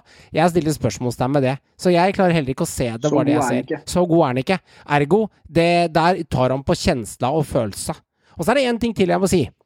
Det er en litt interessant ting der. Nå har du snakka i fem minutter. Jeg har jo ikke snakka i fem minutter. Det har jeg ikke gjort. Men jeg tok en undersøkelse, gutta, og spurte gjengen på Synseligaen, våre 400 medlemmer på Instagram, og spurte dem om dette var straffe eller ikke. Skal dere høre spørsmålet, og høre svaret. Hva sier folket? Folket. Store diskusjoner rundt straffen til Viking mot Mjøndalen stiller jeg spørsmål om. Noen mener det er straffe, andre mener den er i hodet og rett ut. Hva mener du? Hode og rett ut er det ene alternativet, straffe er det andre alternativet. 298 mennesker har svart. 54% mener hodet rett ut, 46 mener det er straffe. Så hvis 54% av lytterne av Synseligaen da får du mange kunder til uka, Joakim. Ja, det, det var akkurat det jeg tenkte å si. Altså, Hvis de har sett slow-moen Nei, de har den jo ikke. Dette er jo fotballsupportere. Det, Det er ikke Jan Thomas som- som sitter og ser på det programmet her, da. Altså, det er jo Men til alle de- de som har sett slow-moen og fremdeles står klein på det, og ikke så den Samme som deg, Johan. da er det bare å signe opp. Nei, ja, men Håvard, jeg har jo sett situasjonen 14 ganger etterpå! Og da er det faktisk bemerkelsesverdig og ytterst rart at du fortsatt ikke ser ham treffe Ja, men jeg syns det er ytterst rart at dere er mener det er klink, med- Da må du Det se det igjen og igjen. Ja, men jeg syns. Håvard, jeg syns det er rart at dere kan mene det den er klink. Rett i armen. Det er så klink. Den er ikke klink. Du kan jo ikke si at, du kan jo ikke si at, du kan jo ikke si at det er klink når 54% svarer at det ikke er straffe. Jeg driter jo i hva, hva resten ser. De har kanskje ikke sett slow Ja, motion, men for alt jeg veit. Ja, men, det, har- men for guds skyld, du må regne med at de har gjort det. De ser jo på fotballeksa, sånn Ja, som du. de Regner med, regner med. Dette er en, dette er en sånn helt sånn ut av det blå Ja, men Håvard, søtt- du har lagt ut på Nei. Ja, men Håvard- ja, Det er feil. Håvard, du, du, du, du bør undervurdere lytterne og seerne. For 70, jeg tipper at 70 av de som ser eh, eh, Ja, det blir også bare synsing. Ja, selvfølgelig gjør det det. Vi fikk en anmelding, da. En som mente noe annet. Den var ganske interessant, faktisk. Den var litt morsom, da. Den var litt artig. Den skal faktisk litt for. Han, han skriver følgende Jeg mener treffer hodet. Han sender bare direkte inn til meg, inn på Instagram. Men fra enorm kort distanse spretter den til nøds innom hånden, så ja, man kan dømme straffe, sier han. Det burde ikke være en in the spirit of the game i denne situasjonen, og alle som mener det bør være straffe, kan tråkke på en legobit på vei til dass og se hvordan det føles, skriver han. Men altså, buhu. Synd på spilleren og ditt og datten. Det er kjip måte å få straffespark, men vi kan jo ikke ta det med i resonnementet på om det er straffespark eller ikke. Ja, han blir skutt i trynet, og han er jævlig uflaks som har armen ut fra kroppen og ballen detter. Det er jævlig hardt å få straffe imot på noe sånt, men det er straffespark. Men Håvard, Fordi armen er ut fra kroppen. dommeren sier han ikke ser det. Han ser en arm og en rotasjon i kroppen. Har, nå legger du Nå må du være forsiktig, for du legger ord i munnen på dommeren. Han sier det! Han, sier, Han ser en det er det rotasjon i sier det jo. Han sier en, han ser en, rota, han, ser, ja, han ser en rotasjon i armen og en sving, og det er det han får med seg. Dommeren sier at jeg ser at ballen går i ansiktet og ned i arm. Og Det sier er han det ikke. Jeg. Jo, det Nei, sier jeg. han sier ikke akkurat det. Ikke Da det. får du se intervjuet på nytt, for det er akkurat det han sier. Der er vi uenige. Det må vi gjerne er være. Vi greit. er uenige her, gutta. Jeg tror vi må gå videre. Det er deilig det å være Ja, uenig. det er- Ja, det er. Klink straffespark.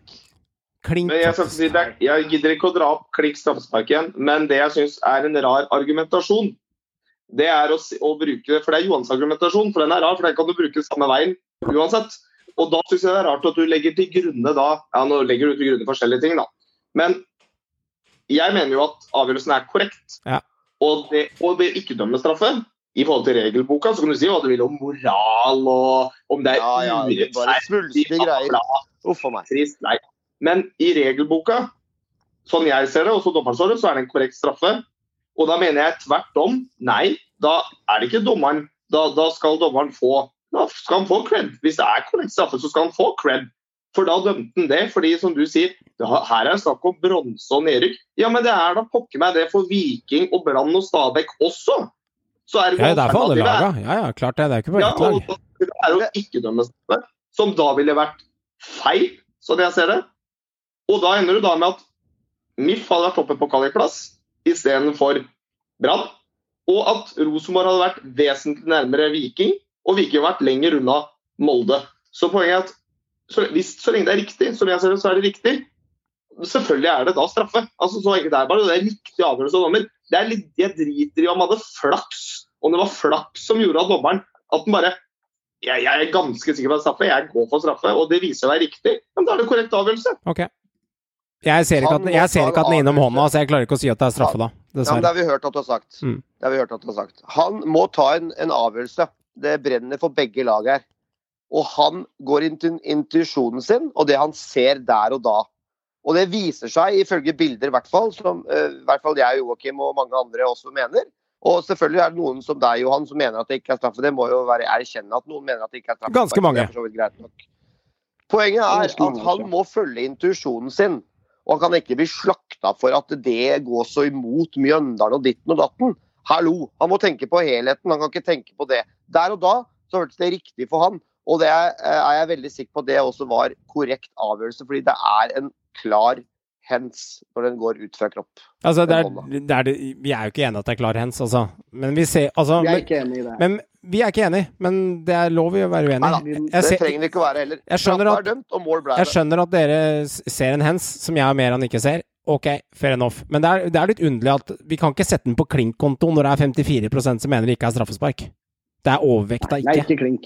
Det er ikke klink. Dette er ikke nedklipping i feltet. Det er vel eh, kanskje lov å ta bort ordet klink. Det kan vi være enige om. eh, at- Der er vi Det enige. kan vi være enige om. Da er vi enige, og så er vi uenige om resten. Det er kontroversielt. Det, det er Det spesielt. Det Men å, dømme, men å dømme straffespark på en hens, det er i seg selv ikke kontroversielt. Og, og når du ser det sånn, Så lenge man motion, så ser ble jeg i hvert fall når jeg ble, Da ble jeg overbevist på slow motion-biten. og før det så var jeg også akkurat som dere. Jeg syns det så helt sjukt ut at det ble dømt straffespark. det er bare at dommeren får ikke noe slow motion i match, vet du. var også i slow motion.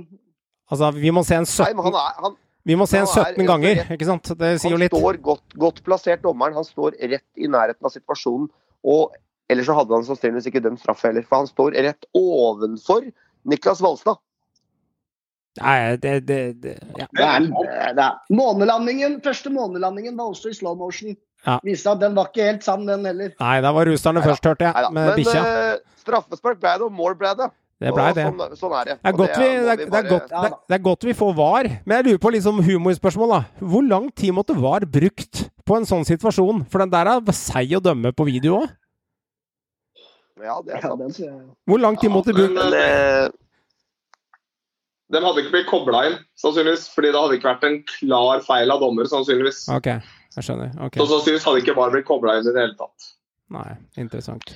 Og hvis dommer dømmer Det Vi, vi må gå videre, vi blir ikke enige. Nei, nei, nei, det er innrømme, deilig å ikke være enig i alt. Jeg støtter litt på det Joakim sier. for at eh, Mjøndalen eh, klager og sutrer og er i harnisk og ditten datten. Det må først og fremst gå i seg sjøl. De spilte en elendig hjemmekamp, og de brenner straffespark Det selv. enige. Og det er kapteinen selv ja. som ikke, brenner straffesparket. jeg fikk ikke inntrykk av at Vegard Hansen eh, Vegard Hansen skyldte så veldig mye på det. Han var ganske rolig og sindig etter match, altså. Han var faktisk det.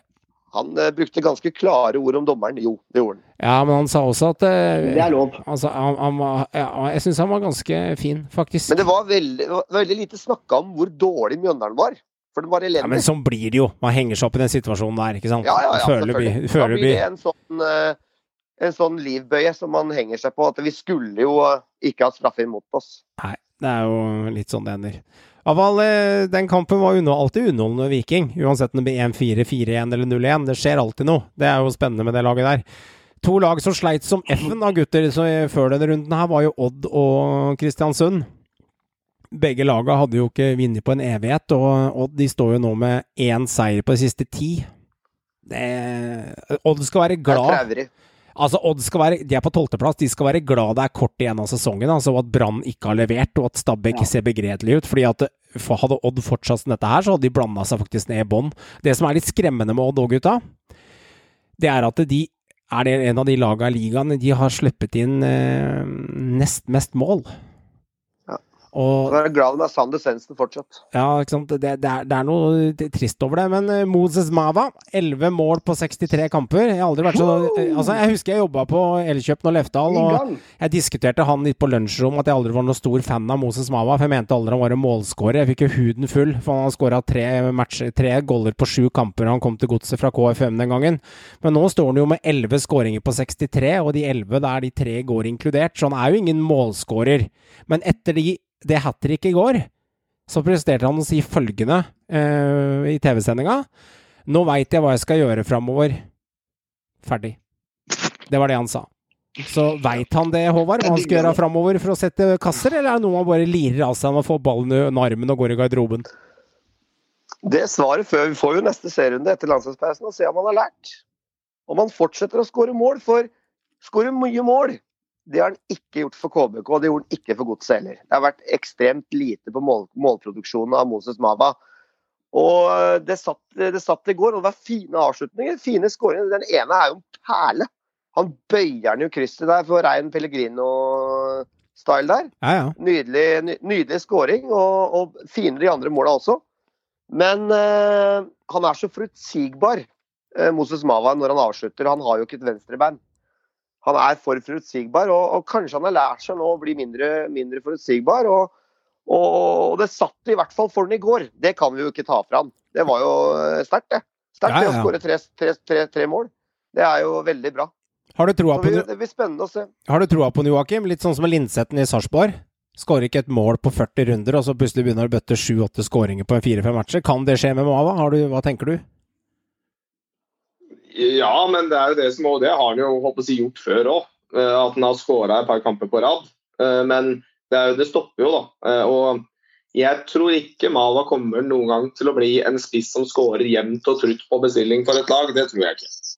Eh, Men at altså, han er god for 10-15 mål i sesongen, ja det er han. Eh, Altså, det kan han, Slår han til, så han få, så får han til det. Men han er ikke noen storskårer, han er ikke noen stabil målskårer. Det er vel heller det at han skårer fire mål, og så går det fire kamper før han skårer et eneste mål igjen.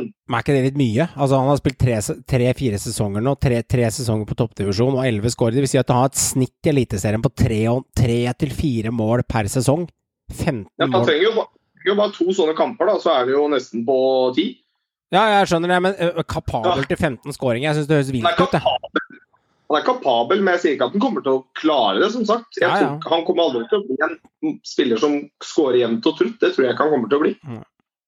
Men eh, litt sånn artig sammenligning, så, så måtte jo Amal Pellegrino også eh, dra til KBK for å, at det virkelig skulle løsne. Han var jo nesten 30 år før det løsna på målproduksjonen. Og da hadde han vært i klubber som eh, Godset og Lillestrøm. Riktignok skåret mye mål for Mjøndalen. På, på Obos-nivå. Obos-nivå skåret han mye mål. Men ikke skåret mye mål i Eliteserien før han kom til KBK. Og Moses Mava er ennå ung. Så det kan jo godt hende at han kommer til å bli notorisk målskårer, men jeg tror det kommer til å ta litt lengre tid før han er der. Jeg tror ikke han har lært etter den forrige kampen at han kommer til å pøse inn goller nå, det tror jeg ikke. Men at han er en spennende spiss, det er han jo. Han har jo kvaliteter. Kastrati også ble litt sånn signalspiller en par sesonger der for Kristiansund. Eh, Skåra ikke så mye skåringer og sånn. Ja, ja, det er to år siden sist og sånn, det er helt greit det. Men jeg, ba, jeg bare tenker, i en periode der han var på sitt beste, så var han jo et uvær på topp for Kristiansund der, og lagde mye leven og helvete. Selv om den beste sesongen han har hatt, er faktisk i Sandefjord, da han nådde tosifra et år, Kastrati. Men eh, han har jo faktisk fått et mer kjent navn i Eliteserien etter at han kom til Kristiansund, selv om han ikke skåra så mye mål. Det er ofte noe som skjer det, når, kommer, når spillere går til KBK. Eh, vi snakker Flammer, han var jo en suksess når han kom til KBK, enig. Pelle nå. Og så veit du aldri, nå kan Mava smelle i gang òg. Det er noe som skjer med gutta som kommer opp dit. De får full fokus og får klare roller. Og klare oppgaver på hva de skal, hvordan de skal fokus på det, og terper ekstremt mye der. Så du skal ikke se bort fra at historien gjentar seg eh, i KBK og nå for Mava. Dauda Bamba også i KBK. Nemlig. Nemlig. Men eh, det skal sies at det var ekstremt viktig for KBK med en seier nå, for de hadde tatt en veldig, veldig dårlig rekke nå. Og nå har de faktisk meldt seg på igjen, de også, med, med et andre lag rundt den tredjeplassen. De er ikke langt bak eh, Viking, de heller. De er å snuse litt der oppe, de og LSK og, og Rosenborg. Så, men jeg har ikke veldig trua på KBK og LSK, jeg må innrømme det. Altså, de er for langt bak, og jeg tror ikke de er gode nok heller til å være med der oppe. Jeg tror det blir de tre lagene som står, ja, at det kommer til å stå ut.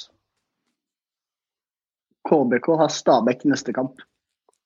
Så det kan Ja. fort bli litt interessant. Ja ja, men det veit du aldri i Eliteserien. Det kan ende med seier til Stabæk, det. Det er jo Mm. Det er inshallah. Du har ikke peiling. Det Kan er, det. alt kan skje, liksom. Det er jo sånn det er, det. En ting som i hvert fall er litt interessant, da, det er dette sluttspillet som han begynte å prate om. Altså, ikke har vi nok Ikke har eh, Norges Fotballforbund heng, heng, he- hengt hele supporterskaren eh, på en pidestall og nesten mobba dem ut av stadionet ved VAR-opplegget sitt. For der er jo ganske mange supportere som mener at det er bare tull. Men i tillegg nå så begynner de å diske opp med sluttspillet Eliteserien, Håvard. Altså, ønsker, ønsker de at det skal bli hata herfra til Moss, eller hva er greia, liksom? For det, det er en god del som er imot det der. Og så er Erling Moe, da, som gikk på TV-en og fortalte hva han syns om det. Hva tenker vi? Jeg må innrømme at eh, jeg syns jo at uh, fotballsupportere i Norge er jo mot alt som er nytt, uansett hva det er. Om det er VAR, om det er kunstgress, nesten. Altså hva det måtte være. Det er litt norsk standard, ja. jeg, jeg, ja. Jeg må innrømme at jeg er litt skeptisk til sånn sluttspill, sånn som de har i, i Belgia og andre ligaer. Jeg må, innrømme at jeg er litt skeptisk. I dan dansk fotball også tror jeg faktisk det er sluttspill. Jeg tror faktisk det. De deler ligaen i to, og så er det nedre halvdel som spiller mot hverandre, og så er det øvre halvdel. Så det blir litt sånn dansk modell, da. Eh, Jeg er litt skeptisk. Jeg er det. jeg, jeg er faktisk ikke udelt negativ. Eh, jeg er ikke det. Eh, og det er litt på grunn av at man ser Altså, ja, altså Jeg er ikke helt positiv. Jeg ønsker å bevare en serie, eh, egentlig som den er. Eh, men jeg har jo før også tenkt at egentlig Eliteserien har godt av å ha to færre lag og tilbake igjen til 14. Eh, mye pga. det at det flere år på rad er gjerne to lag som er så utrolig mye dårligere enn alle andre. altså Som er liksom klare nedrykkskandidater fra nesten dag én og ut. Det er flere sesonger det skjer. Og jeg syns også at forskjellen på de Altså jeg tror nok, hvis du ser rent toppa på det, da, de beste lagene kunne hatt en fordel av å ha hatt flere kamper mot de beste. fordi det gjerne, altså De seks beste lagene i Eliteserien er gjerne eh, en god del bedre enn de som kommer på midten og under. Og gjerne da de fi, kanskje tre-fire i topp da er ganske mye bedre enn de som kommer rett bak der igjen veldig mange sesonger. Så ja, altså jeg er ikke udelt negativ. Uh, og jeg, jeg liker jo egentlig også litt sånn at man prøver å få fordi hele tanken her må jo være å få liksom, de, Å komme inn i Europa er jo tanken her.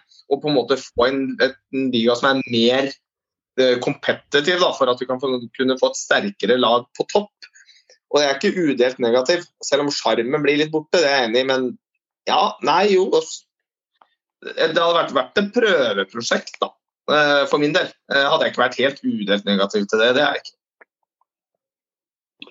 Eh, Obos-ligaen er for prøveprosjekter. Jeg mener at eh, fotball eh, Det er Tradisjon er et ligaspill over tid. X antall kamper over tid. Den som har vunnet flest kamper, er det beste laget.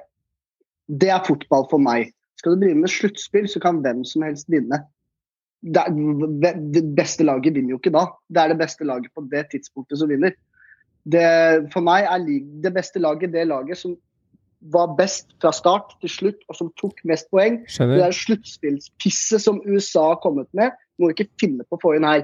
Når vi er over til 14 lag, det er en annen diskusjon. og Det er jeg enig i å gå den retningen. Men med sluttspill i Eliteserien, nei takk. Jeg liker ikke Men bare sånn for skyting her, da. Det er ikke cup mer, da. Det er ikke snakk om cup. Nei, jeg skjønner det. Jeg skjønner Det er men- et seriespill, så det beste laget vinner.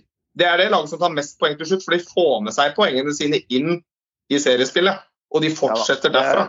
Så det er, det Det er er ikke sant snakk om en sånn dansk, modell under. og belgisk modell. Ja. Så det er ikke, det er ikke sånn. Men jeg føler allikevel at vi skal- bør ikke rokke på noe. Men, men det jeg syns er litt sånn Jeg synes det er litt billig argument da å bruke det europaargumentet, egentlig. Fordi at Rosenborg har ikke levert det her på fire-fem år. Molde har levert bra de to-tre siste sesongene. Bodø-Glimt har jo vist at de i hvert fall mestrer det, og har pissa på enkelte lag òg.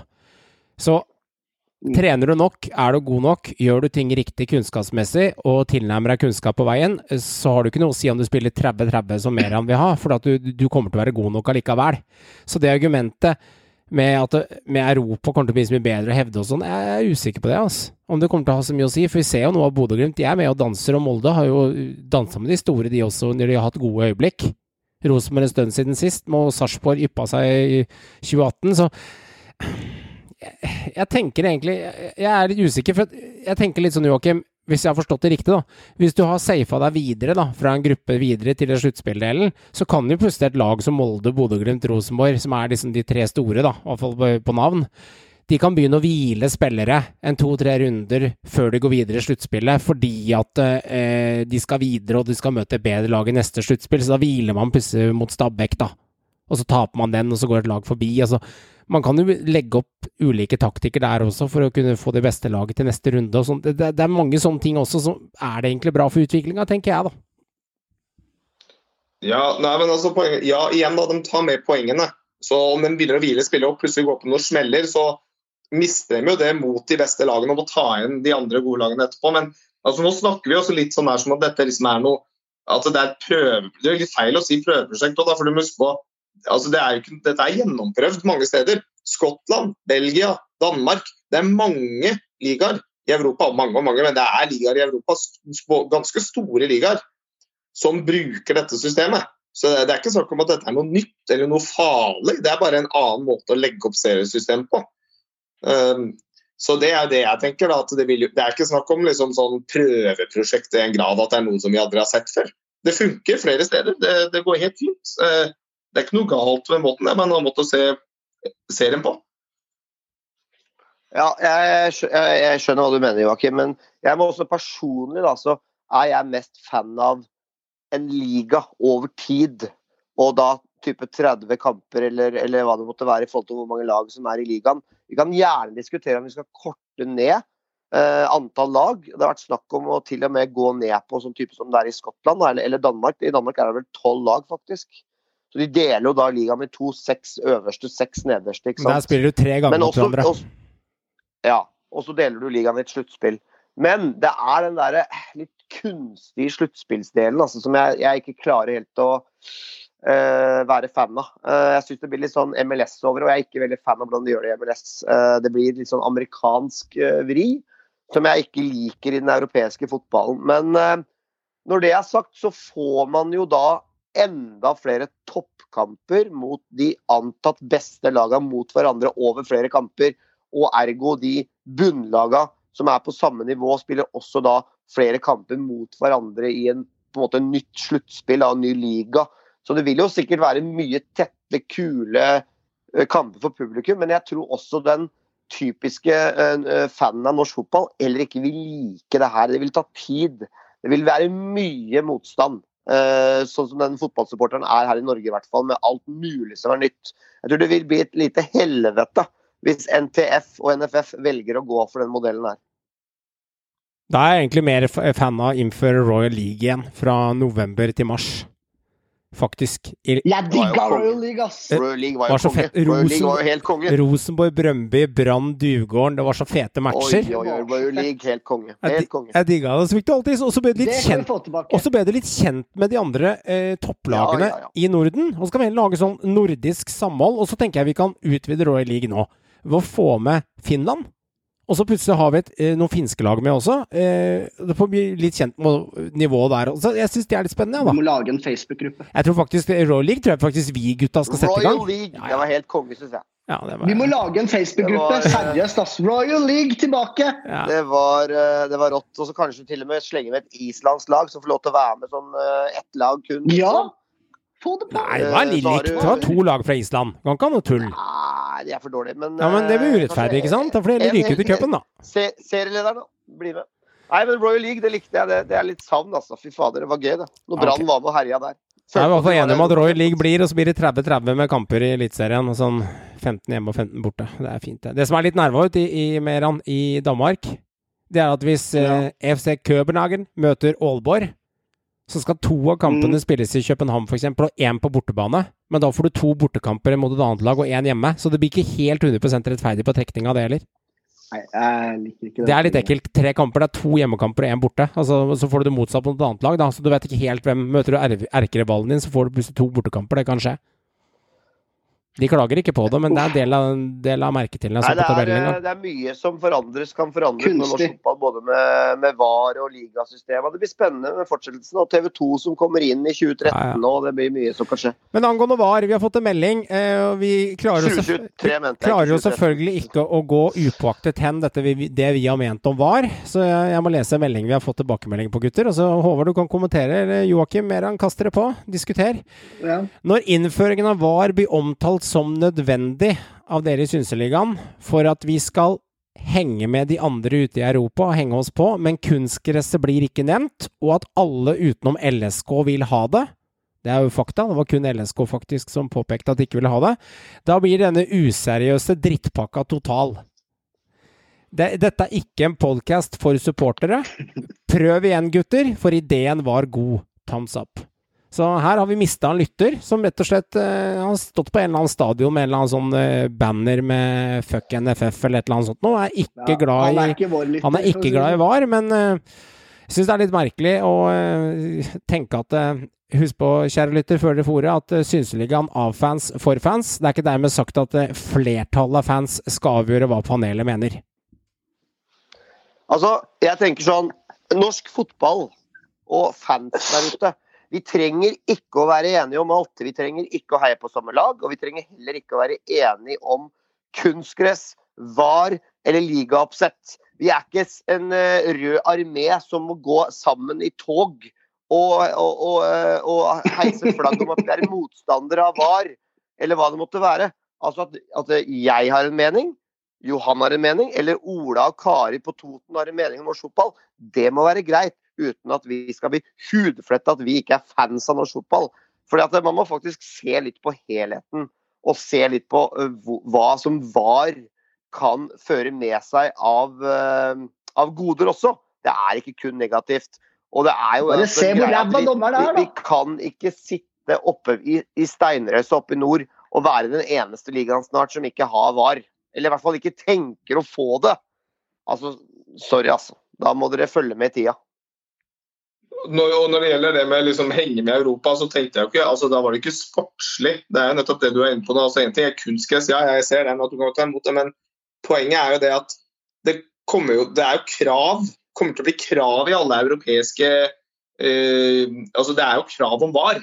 Det kommer til å bli krav om VAR, og da må alt ligge til rette for bruk av VAR. Så, så, så hvis de norske lag sannsynligvis får ikke lov til å spille i Conference League, får ikke lov til å spille i Champions League, får ikke lov til å spille i Europa League hvis vi ikke har VAR på plass. Mm. Fordi, fordi da har vi ikke det som kreves for å være med. Og Det er det vi mener. Og hvis det var vanskelig å forstå, at det var der vi la lista Jeg tror vi var innom det til og med og nevnte at det var hovedtanken med europeisk spill. Hvis vi ikke var det, da får vi beklage det. Men det var i hvert fall min tanke rundt det med Europa. er at dette være et krav uansett. Så vi kan like gjerne innføre det, og vi kan like gjerne bli gode på å bruke det før det blir et krav. Er. Istedenfor å få det bare vi får for oss. Nemlig. Det er vi enige. Og så må du faktisk si én ting, da, eh, til dem som er uenige der hjemme av lyttere. Og selv om eh, vedkommende her eh, ikke velger å lytte til Synseligaen lenger, det er helt greit. Men dere skal huske på én ting, dere som sitter og lytter. Synseligaen er faktisk den eneste frittstående eliteseriepodden i Norge samlet med fire ekte fans, uten å bruke ekspertpanel, uten om når Tom er med oss og gjester oss med glede i ny og ne.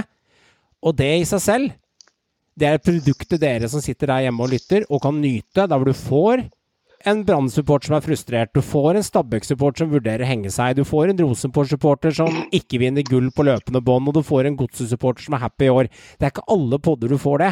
For veldig mange ekspertpodder der ute, som mener dem ting, og egentlig ikke har noe hjerte og følelse og ektehet alltid over det som blir meldt, fordi at de har en rolle som eksperter. Vi, vi snakker rett fra hjertet. Og det er to vidt forskjellige ting fra å snakke om en supporterpod mot å snakke om en fanspod.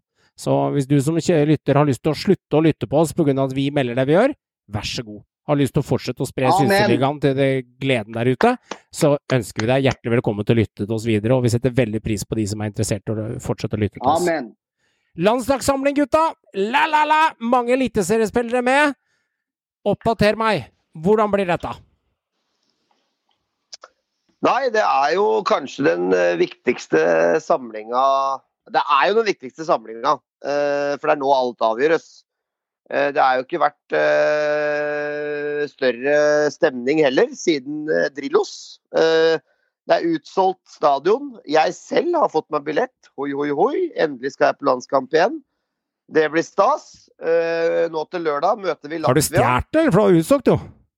ja, det var utsolgt, men så kom det plutselig noen rekende på fjøl, noen billetter. Så var det en kompis som sto opp tidlig om morgenen og kasta seg på telefonen, og så fikk vi tak i tre billetter. Så det var ikke verst. Så det er jo nå utsolgt. Eh, alle tenker jo at det er en formalitet, og det skal det jo være. Vi skal slå Latvia hjemme. Det må vi. Og så blir det jo da en rein gruppefinale mot Nederland borte, som da blir der alt avgjøres. Eh, slår vi Latvia, så har vi jo på mange måter sikra den andreplassen, som er playoff. Men vi kan jo da rane med oss hele gruppeseieren hvis vi da slår Latvia hjemme og Nederland borte. Og det er jo litt sjukt at vi kan Vi har spilt oss til en ren gruppefinale mot Nederland. Det blir jo veldig veldig spennende å se. Og nå har vi jo eh, i hvert fall med oss litt flere av de store stjernene. Nå er jo nordmann med igjen. Eh, Sørloth, King. Flere av de gutta som var ute Midtsjø, hvis han skal omtales som en stor stjerne. Men eh, i hvert fall mange av de gutta som var ute av tropp. Vi har en mye mer kompetitiv tropp. Selv om vi klarte oss bra sist også, resultatmessig, så er det eh, større konkurranse. Og eh, vi har mer strengere å spille på, særlig offensivt. Jeg tviler på at vi kommer til å se Christian Thorsvedt som spiss nå, selv om han gjorde faktisk sakene sine bra. Så er det veldig gledelig med norske øyne, og vi som er glad i Eliteserien, at Ola Solbakken er tatt ut. Og Thomas Lene Olsen og Eton Berisha har fått ny tillit. Og så har de jo Glimt-gutta med Bjørkan, Lode osv. som fortsatt er i tropp. Så det er gøy. Så jeg er veldig veldig spent og gleder meg til denne, denne samlinga her nå. Ikke minst den gruppefinalen mot Nederland. For Latvia men dem skal vi slå. Det må vi. Ellers er vi ikke gode nok. Så enkelt er det. Latvia tar vi. Det er ikke noen diskusjon, det. Vi gjør det. Det kommer til å bli drama i Rotterdam i siste matchen. Selvfølgelig tar vi Latvia. Det er, det er, det er noe ikke tvil. Jeg kan ikke se at vi skal ta Jeg veit at de er litt ekle og sånn, har tatt litt poeng her og litt poeng der, og skal bryte gjennom de også, og alt det der. La, la, la. Jeg forstår det. Vi får en straffe og et hellig langskudd som flikker borti en spiller, og vi vinner med en scoring. Vi, vi tar Latvia. Det kommer til å bli drama borte mot Rotterdam, i Rotterdam der. Altså Norge har sluppet inn seks mål inntil i kvaliken på åtte kamper. Ja. Jeg tror ikke vi taper mot Latvia her. Den på hjemmebane, den er jeg ganske trygg på. Den vinner vi. Så her er det som sagt å bare se fram til en liten altså Det blir dumt å kalle det en liten sånn parade inn mot gruppefinale, for det er en kamp, den skal gjennomføres. Men det bør være en liten Ja. parade. En liten fin 3-0-seier, 2-3-0-seier. Gå videre og så spille gruppefinalen mot Nederland i Rotterdam. Som vi til all sannsynlighet taper, men det får vi bare får vi godta. og så får vi Det- det er i hvert fall- Det er Det er en godt gjennomført VM-kvalik. Ja, det er uten tvil. Og mot tøff motstand. Vi, vi er i førersetet nå. eh, sammen med, med Nederland. Og gjør vi jobben mot Latvia, så har vi i hvert fall playoff. Men ok, Det hadde jo vært helt sinnssykt da, å avgjøre borte mot Nederland. hvis du vinner gruppa, så går det rett til VM, da har jeg skjønt. Og da er det bare å sprenge huslån og bank og selge kjerring og unger og alt folk har i hus, og komme seg til VM, til Qatar, for de som er gærne nok til å gjøre det. Hvis du sitter hjemme i sofaen, så får du en god opplevelse da òg. Hvis vi får andreplass i gruppa, må vi ut i noe kvalikskit da, eller hva er greia her da? Ja. Da må vi ut i en playoff mot alle de andre gruppetoerne. Det er litt dritt. Og da er det sånn at vi må slå ut to lag på den veien. Vi møter da Det blir, det blir trekning, ja. Det blir, Ja. Uh, det blir først en slags semifinale, der du må da slå ut et, la, et land. Og så uh, blir det en, en ny kamp mot et nytt lag. Eh, så du må vinne da to kamper. Uh, da er det både hjemme- og bortekamper mot de laga. Og det skal foregå i mars. Den playoffen. Ja, det er ikke så Det er ganske heftig, ja. Du må gjennom fire matcher samlet. Ja, ok. Ja, greit. Ja, hvis du tar de to første, ja. Så det er, det er et rent cupspill, på en måte. Vinneren går videre og møtes da du, Og det er da gruppetoerne som møtes, da. Og der er det jo altså jeg håper å si, Nå er det jo varierende hva som skjer på de to siste kampene, men eh, sånn som det står nå, da, så er det liksom lag som Portugal, Spania, Tsjekkia, er. Kroatia, Polen Altså Det er ganske tung motstand. da. Så vi, altså Å vinne mot eh, Nederland, det, det, det er det beste, merkelig nok. Så vil det være best å vinne gruppa. Jeg tenker vi gjør det. ja Vi tar den. Vi. Ja. Vi kan risikere å møte Portugal og Spania sånn i en playoff, faktisk. eh, Ja, fordi det er jo ikke noe lettere enn er- Nederland. Det er egentlig bare å ta de med en gang, så er jeg ferdig med det. Ja, ja, ja, ja, ja, det er det beste. Men uh, nok en gang, dessverre, da, så går vi glipp av Brauten. Han er jo ute for resten av året. Det er trist. Men nå har vi jo faktisk spisser og, og offensive spillere som skårer bra med mål. Sørloth spiller er faktisk på, på Spanias beste lag for tiden. Så Sociedad leder jo ligaen, og han, han har skåret mål. Og til og med Joshua King har funnet veien til nettmaskene og skåret jo bl.a. hat trick mot Everton nå nylig. Det er typisk at det skjer mot det gamle laget han aldri fikk spille til. da. Så, eh, så vi har jo spisser som er i form. Og så har vi vår egen eh, holdt jeg på å si, Thomas Lenne Olsen og Veton Berisha som også er med på topp der. Og så har du jo Mathias Nordmann som skåret sitt første mål. Vi har spillere i god form. Og det, har, det er det som er forskjellen på det landslaget her med de andre. At det, veldig veldig mange av spillerne spiller fast eh, for klubbene sine og gjør det bra. Birger Meling spiller på topplag i Frankrike. Det er bra. Eh, Holmgren Pedersen gjør det jævlig bra på bekken eh, i Feyenoord. Altså, vi har eh, gode spillere som er i form, og det er en, i hvert fall en ting å ta med seg. Det er det. Jeg må, jeg må skyte en litt morsom ting, for nå gikk jeg bare og så på de tabellene. Er det noen av dere som har fått med dere hvordan Ukraina har klart å rane til seg en andreplass? Nei, det er ikke noe jeg har tenkt så mye på. Nei, De har spilt sju kamper. Er De har vunnet én, og så har de seks uavgjort. Ja. Jeg pleier å Oi. følge med på Ukraina, men jeg gjorde ikke det i år, altså. Det, nei, nei, men jeg bare, jeg bare sånn dukka opp og tenkte det er, det er interessant miks å, å få seks uavgjort av sju kamper. Ja, ja, sånn Men er det, det. Men det, blir, en sy men det blir en syk landslagssamling nå, for det er så mange lag som kniver om den førsteplassen. Og ikke bare gruppa vår, det er så rotterace i mange av de gruppene. altså. Jeg er ikke Ja, bekymra. altså, Dette går bra. Danmark er jo allerede klare for VM, faktisk. Ja, de, er de, er nesten er klare. alltid klare, de. Ja, de er klare tidlig. Uh, de Det er noe, det er noe gærent med trekninga som Danmark trekker lag, for det er alltid tidlig ferdig. Ja. Men jeg gleder meg til å dra på landskamp igjen på Ullevål. Det blir gøy. Ja. Det blir stort. Og det er typisk da at vi sikkert choker og spiller 1-1 mot Latvia. Men Nei, øh, Jo, vi, vi spiller 1-1 mot Latvia, så vinner vi 1-2 i Rotterdam. Så ryker vi ut, så får vi andreplass i gruppa. Fy fader, altså dør jeg. Men uh, Johan, du Ja. kødder jo ikke da når du sier det er noe galt med trekninga, for Danmark har jo 27-0 i målforskjell. Det er det jeg Den, sier. jo en, Det er den, den, den gruppa deres er jo utrolig lett i forhold til alt annet som eksisterer her. Ja, det, det, Det er ikke en tung gruppe, det er noe tull, ikke sant? Det, er, det stemmer ikke, det. Det er noe tull der. Det er Nei, det blir, øh, det blir veldig veldig spennende å følge her. Altså. Den uh, Rotterdam-kampen, eller, eller Amsterdam, eller hva det nå er, det er jo da Jeg tror den er på tirsdag. Det spilles på tirsdag uh, neste uke. Så da avgjøres alt. Det er 13. og 16. Ja. Lørdag og tirsdag. Lørdag tirsdag. Det er riktig. Så det blir litt fotball på oss, den som ikke, selv om det er eliteseriepause i 14 dager. Vi får gå gjennom eh, kanskje, kanskje mest skuffende kampen, siste kampen og mest skuffende kampen i Eliteserien denne runden versus forventningene. Det var jo Vålerenga-Lillestrøm. Her gikk man rundt og smelte med kjeften, og det var ikke måte på. Helland fikk dem sugd tak i Eurosport nede på treningsplassen der, og klarte å lure han til å si noen strofer som han alltid lar seg lure utpå. vet du. Helland liker å underholde. Han gjør dette her selvfølgelig for fans, selvfølgelig, for eh, folk elsker jo Helland. Lillesund-supporter gjør det i hvert fall nå. Eh, han er, Elsker han og hater han. ja, han er en elsket mann. Helland er en fin, han. Eh, og, men, eh, Han er ikke en elsket mann, tufs. jo, han er litt elsket i Media-Norge i fotball, blant eh, Media-Norge, det er han. Fordi at han, han melder alltid, vet du. Og by, han, han bjuda på. Men det eneste Melder i en kamp han ikke spilte! ja, det, er sånn, Ja, det er litt- det er sånn han alltid er. Og da må, ta, Det er litt pinlig. da må man få lov til å gjøre det. Ferdig med det. Men det jeg skulle komme fram til her, det var det at eh, publikum, de møtte, i hvert fall opp. Og det var trøkk i luka. Det var litt svenske tilstander i denne matchen her. Ja, det var jo, holdt jeg på å si, eh, stor underholdning å se at vi kan lage fest og lage liv eh, i da, det, en av de få derbyene vi har i norsk fotball. Og det var, det var kult å se. Etter en eh, leie koronatilværelsen vi har levd i lang, lang tid, og endelig se en smekkfull stadion og skikkelig kok. Pyrofest! Og masse banner og flagg og to supporterskarer som hater hverandre og trøkker til. og bare synd at det vi fikk servert på banen, det var jo slapp forestilling. Rett og slett 0-0. Altså Det er jo litt pinlig hva de byr opp til der, når, når supporterne er så på. Og det er et hatoppgjør og da, skikkelig derby. Så, så skulle man Det var jo en søvnig kamp. Altså Det var jo kjedelig, dessverre. Men uh, supporterne skal ha ros. Ja, det var jo det som var trist. Det var jo på tribunen kampen foregikk.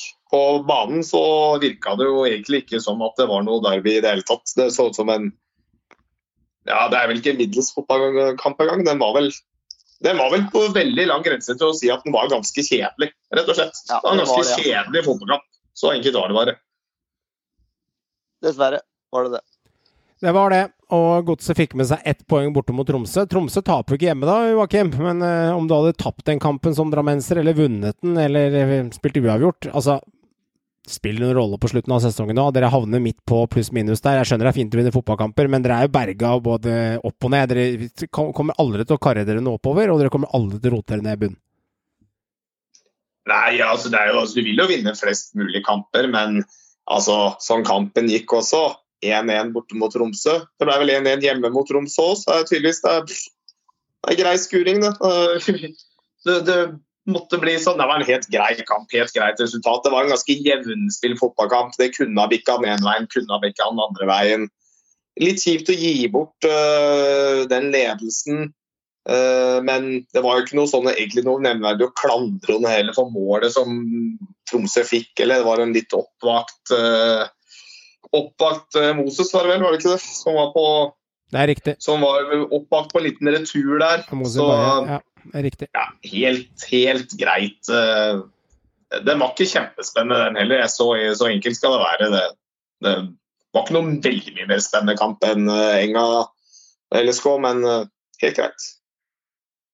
I dag så skal vi avslutte med å tippe resultatene i Norge, Latvia og Nederland. eh, eh, Oi, Norge. oi, oi.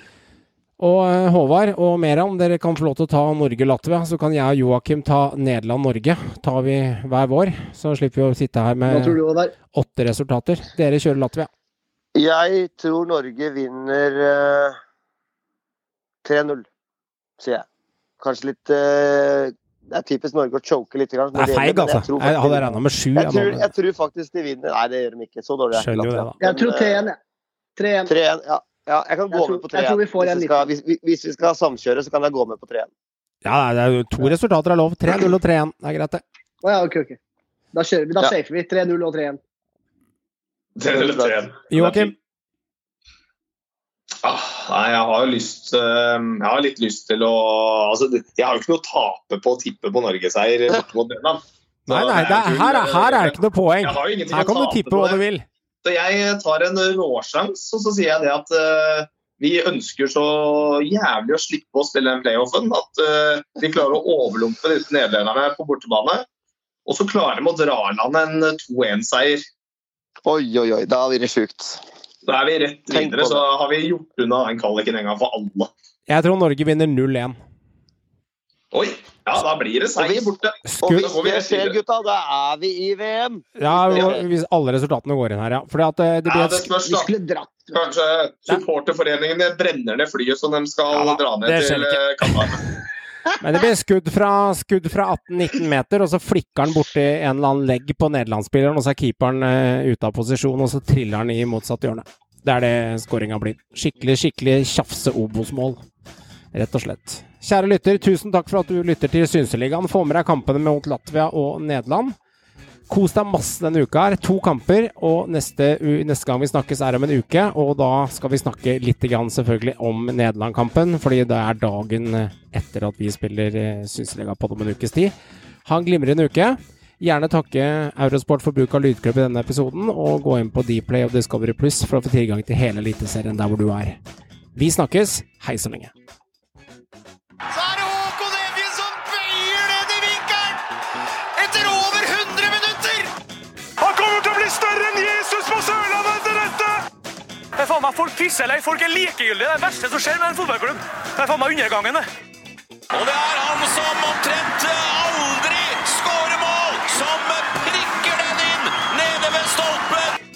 Det, det jeg gleder meg mest til, er alle diskusjonene som kommer, og alle som kan alt om fotball, som dukker opp igjen og, og vet fasiten.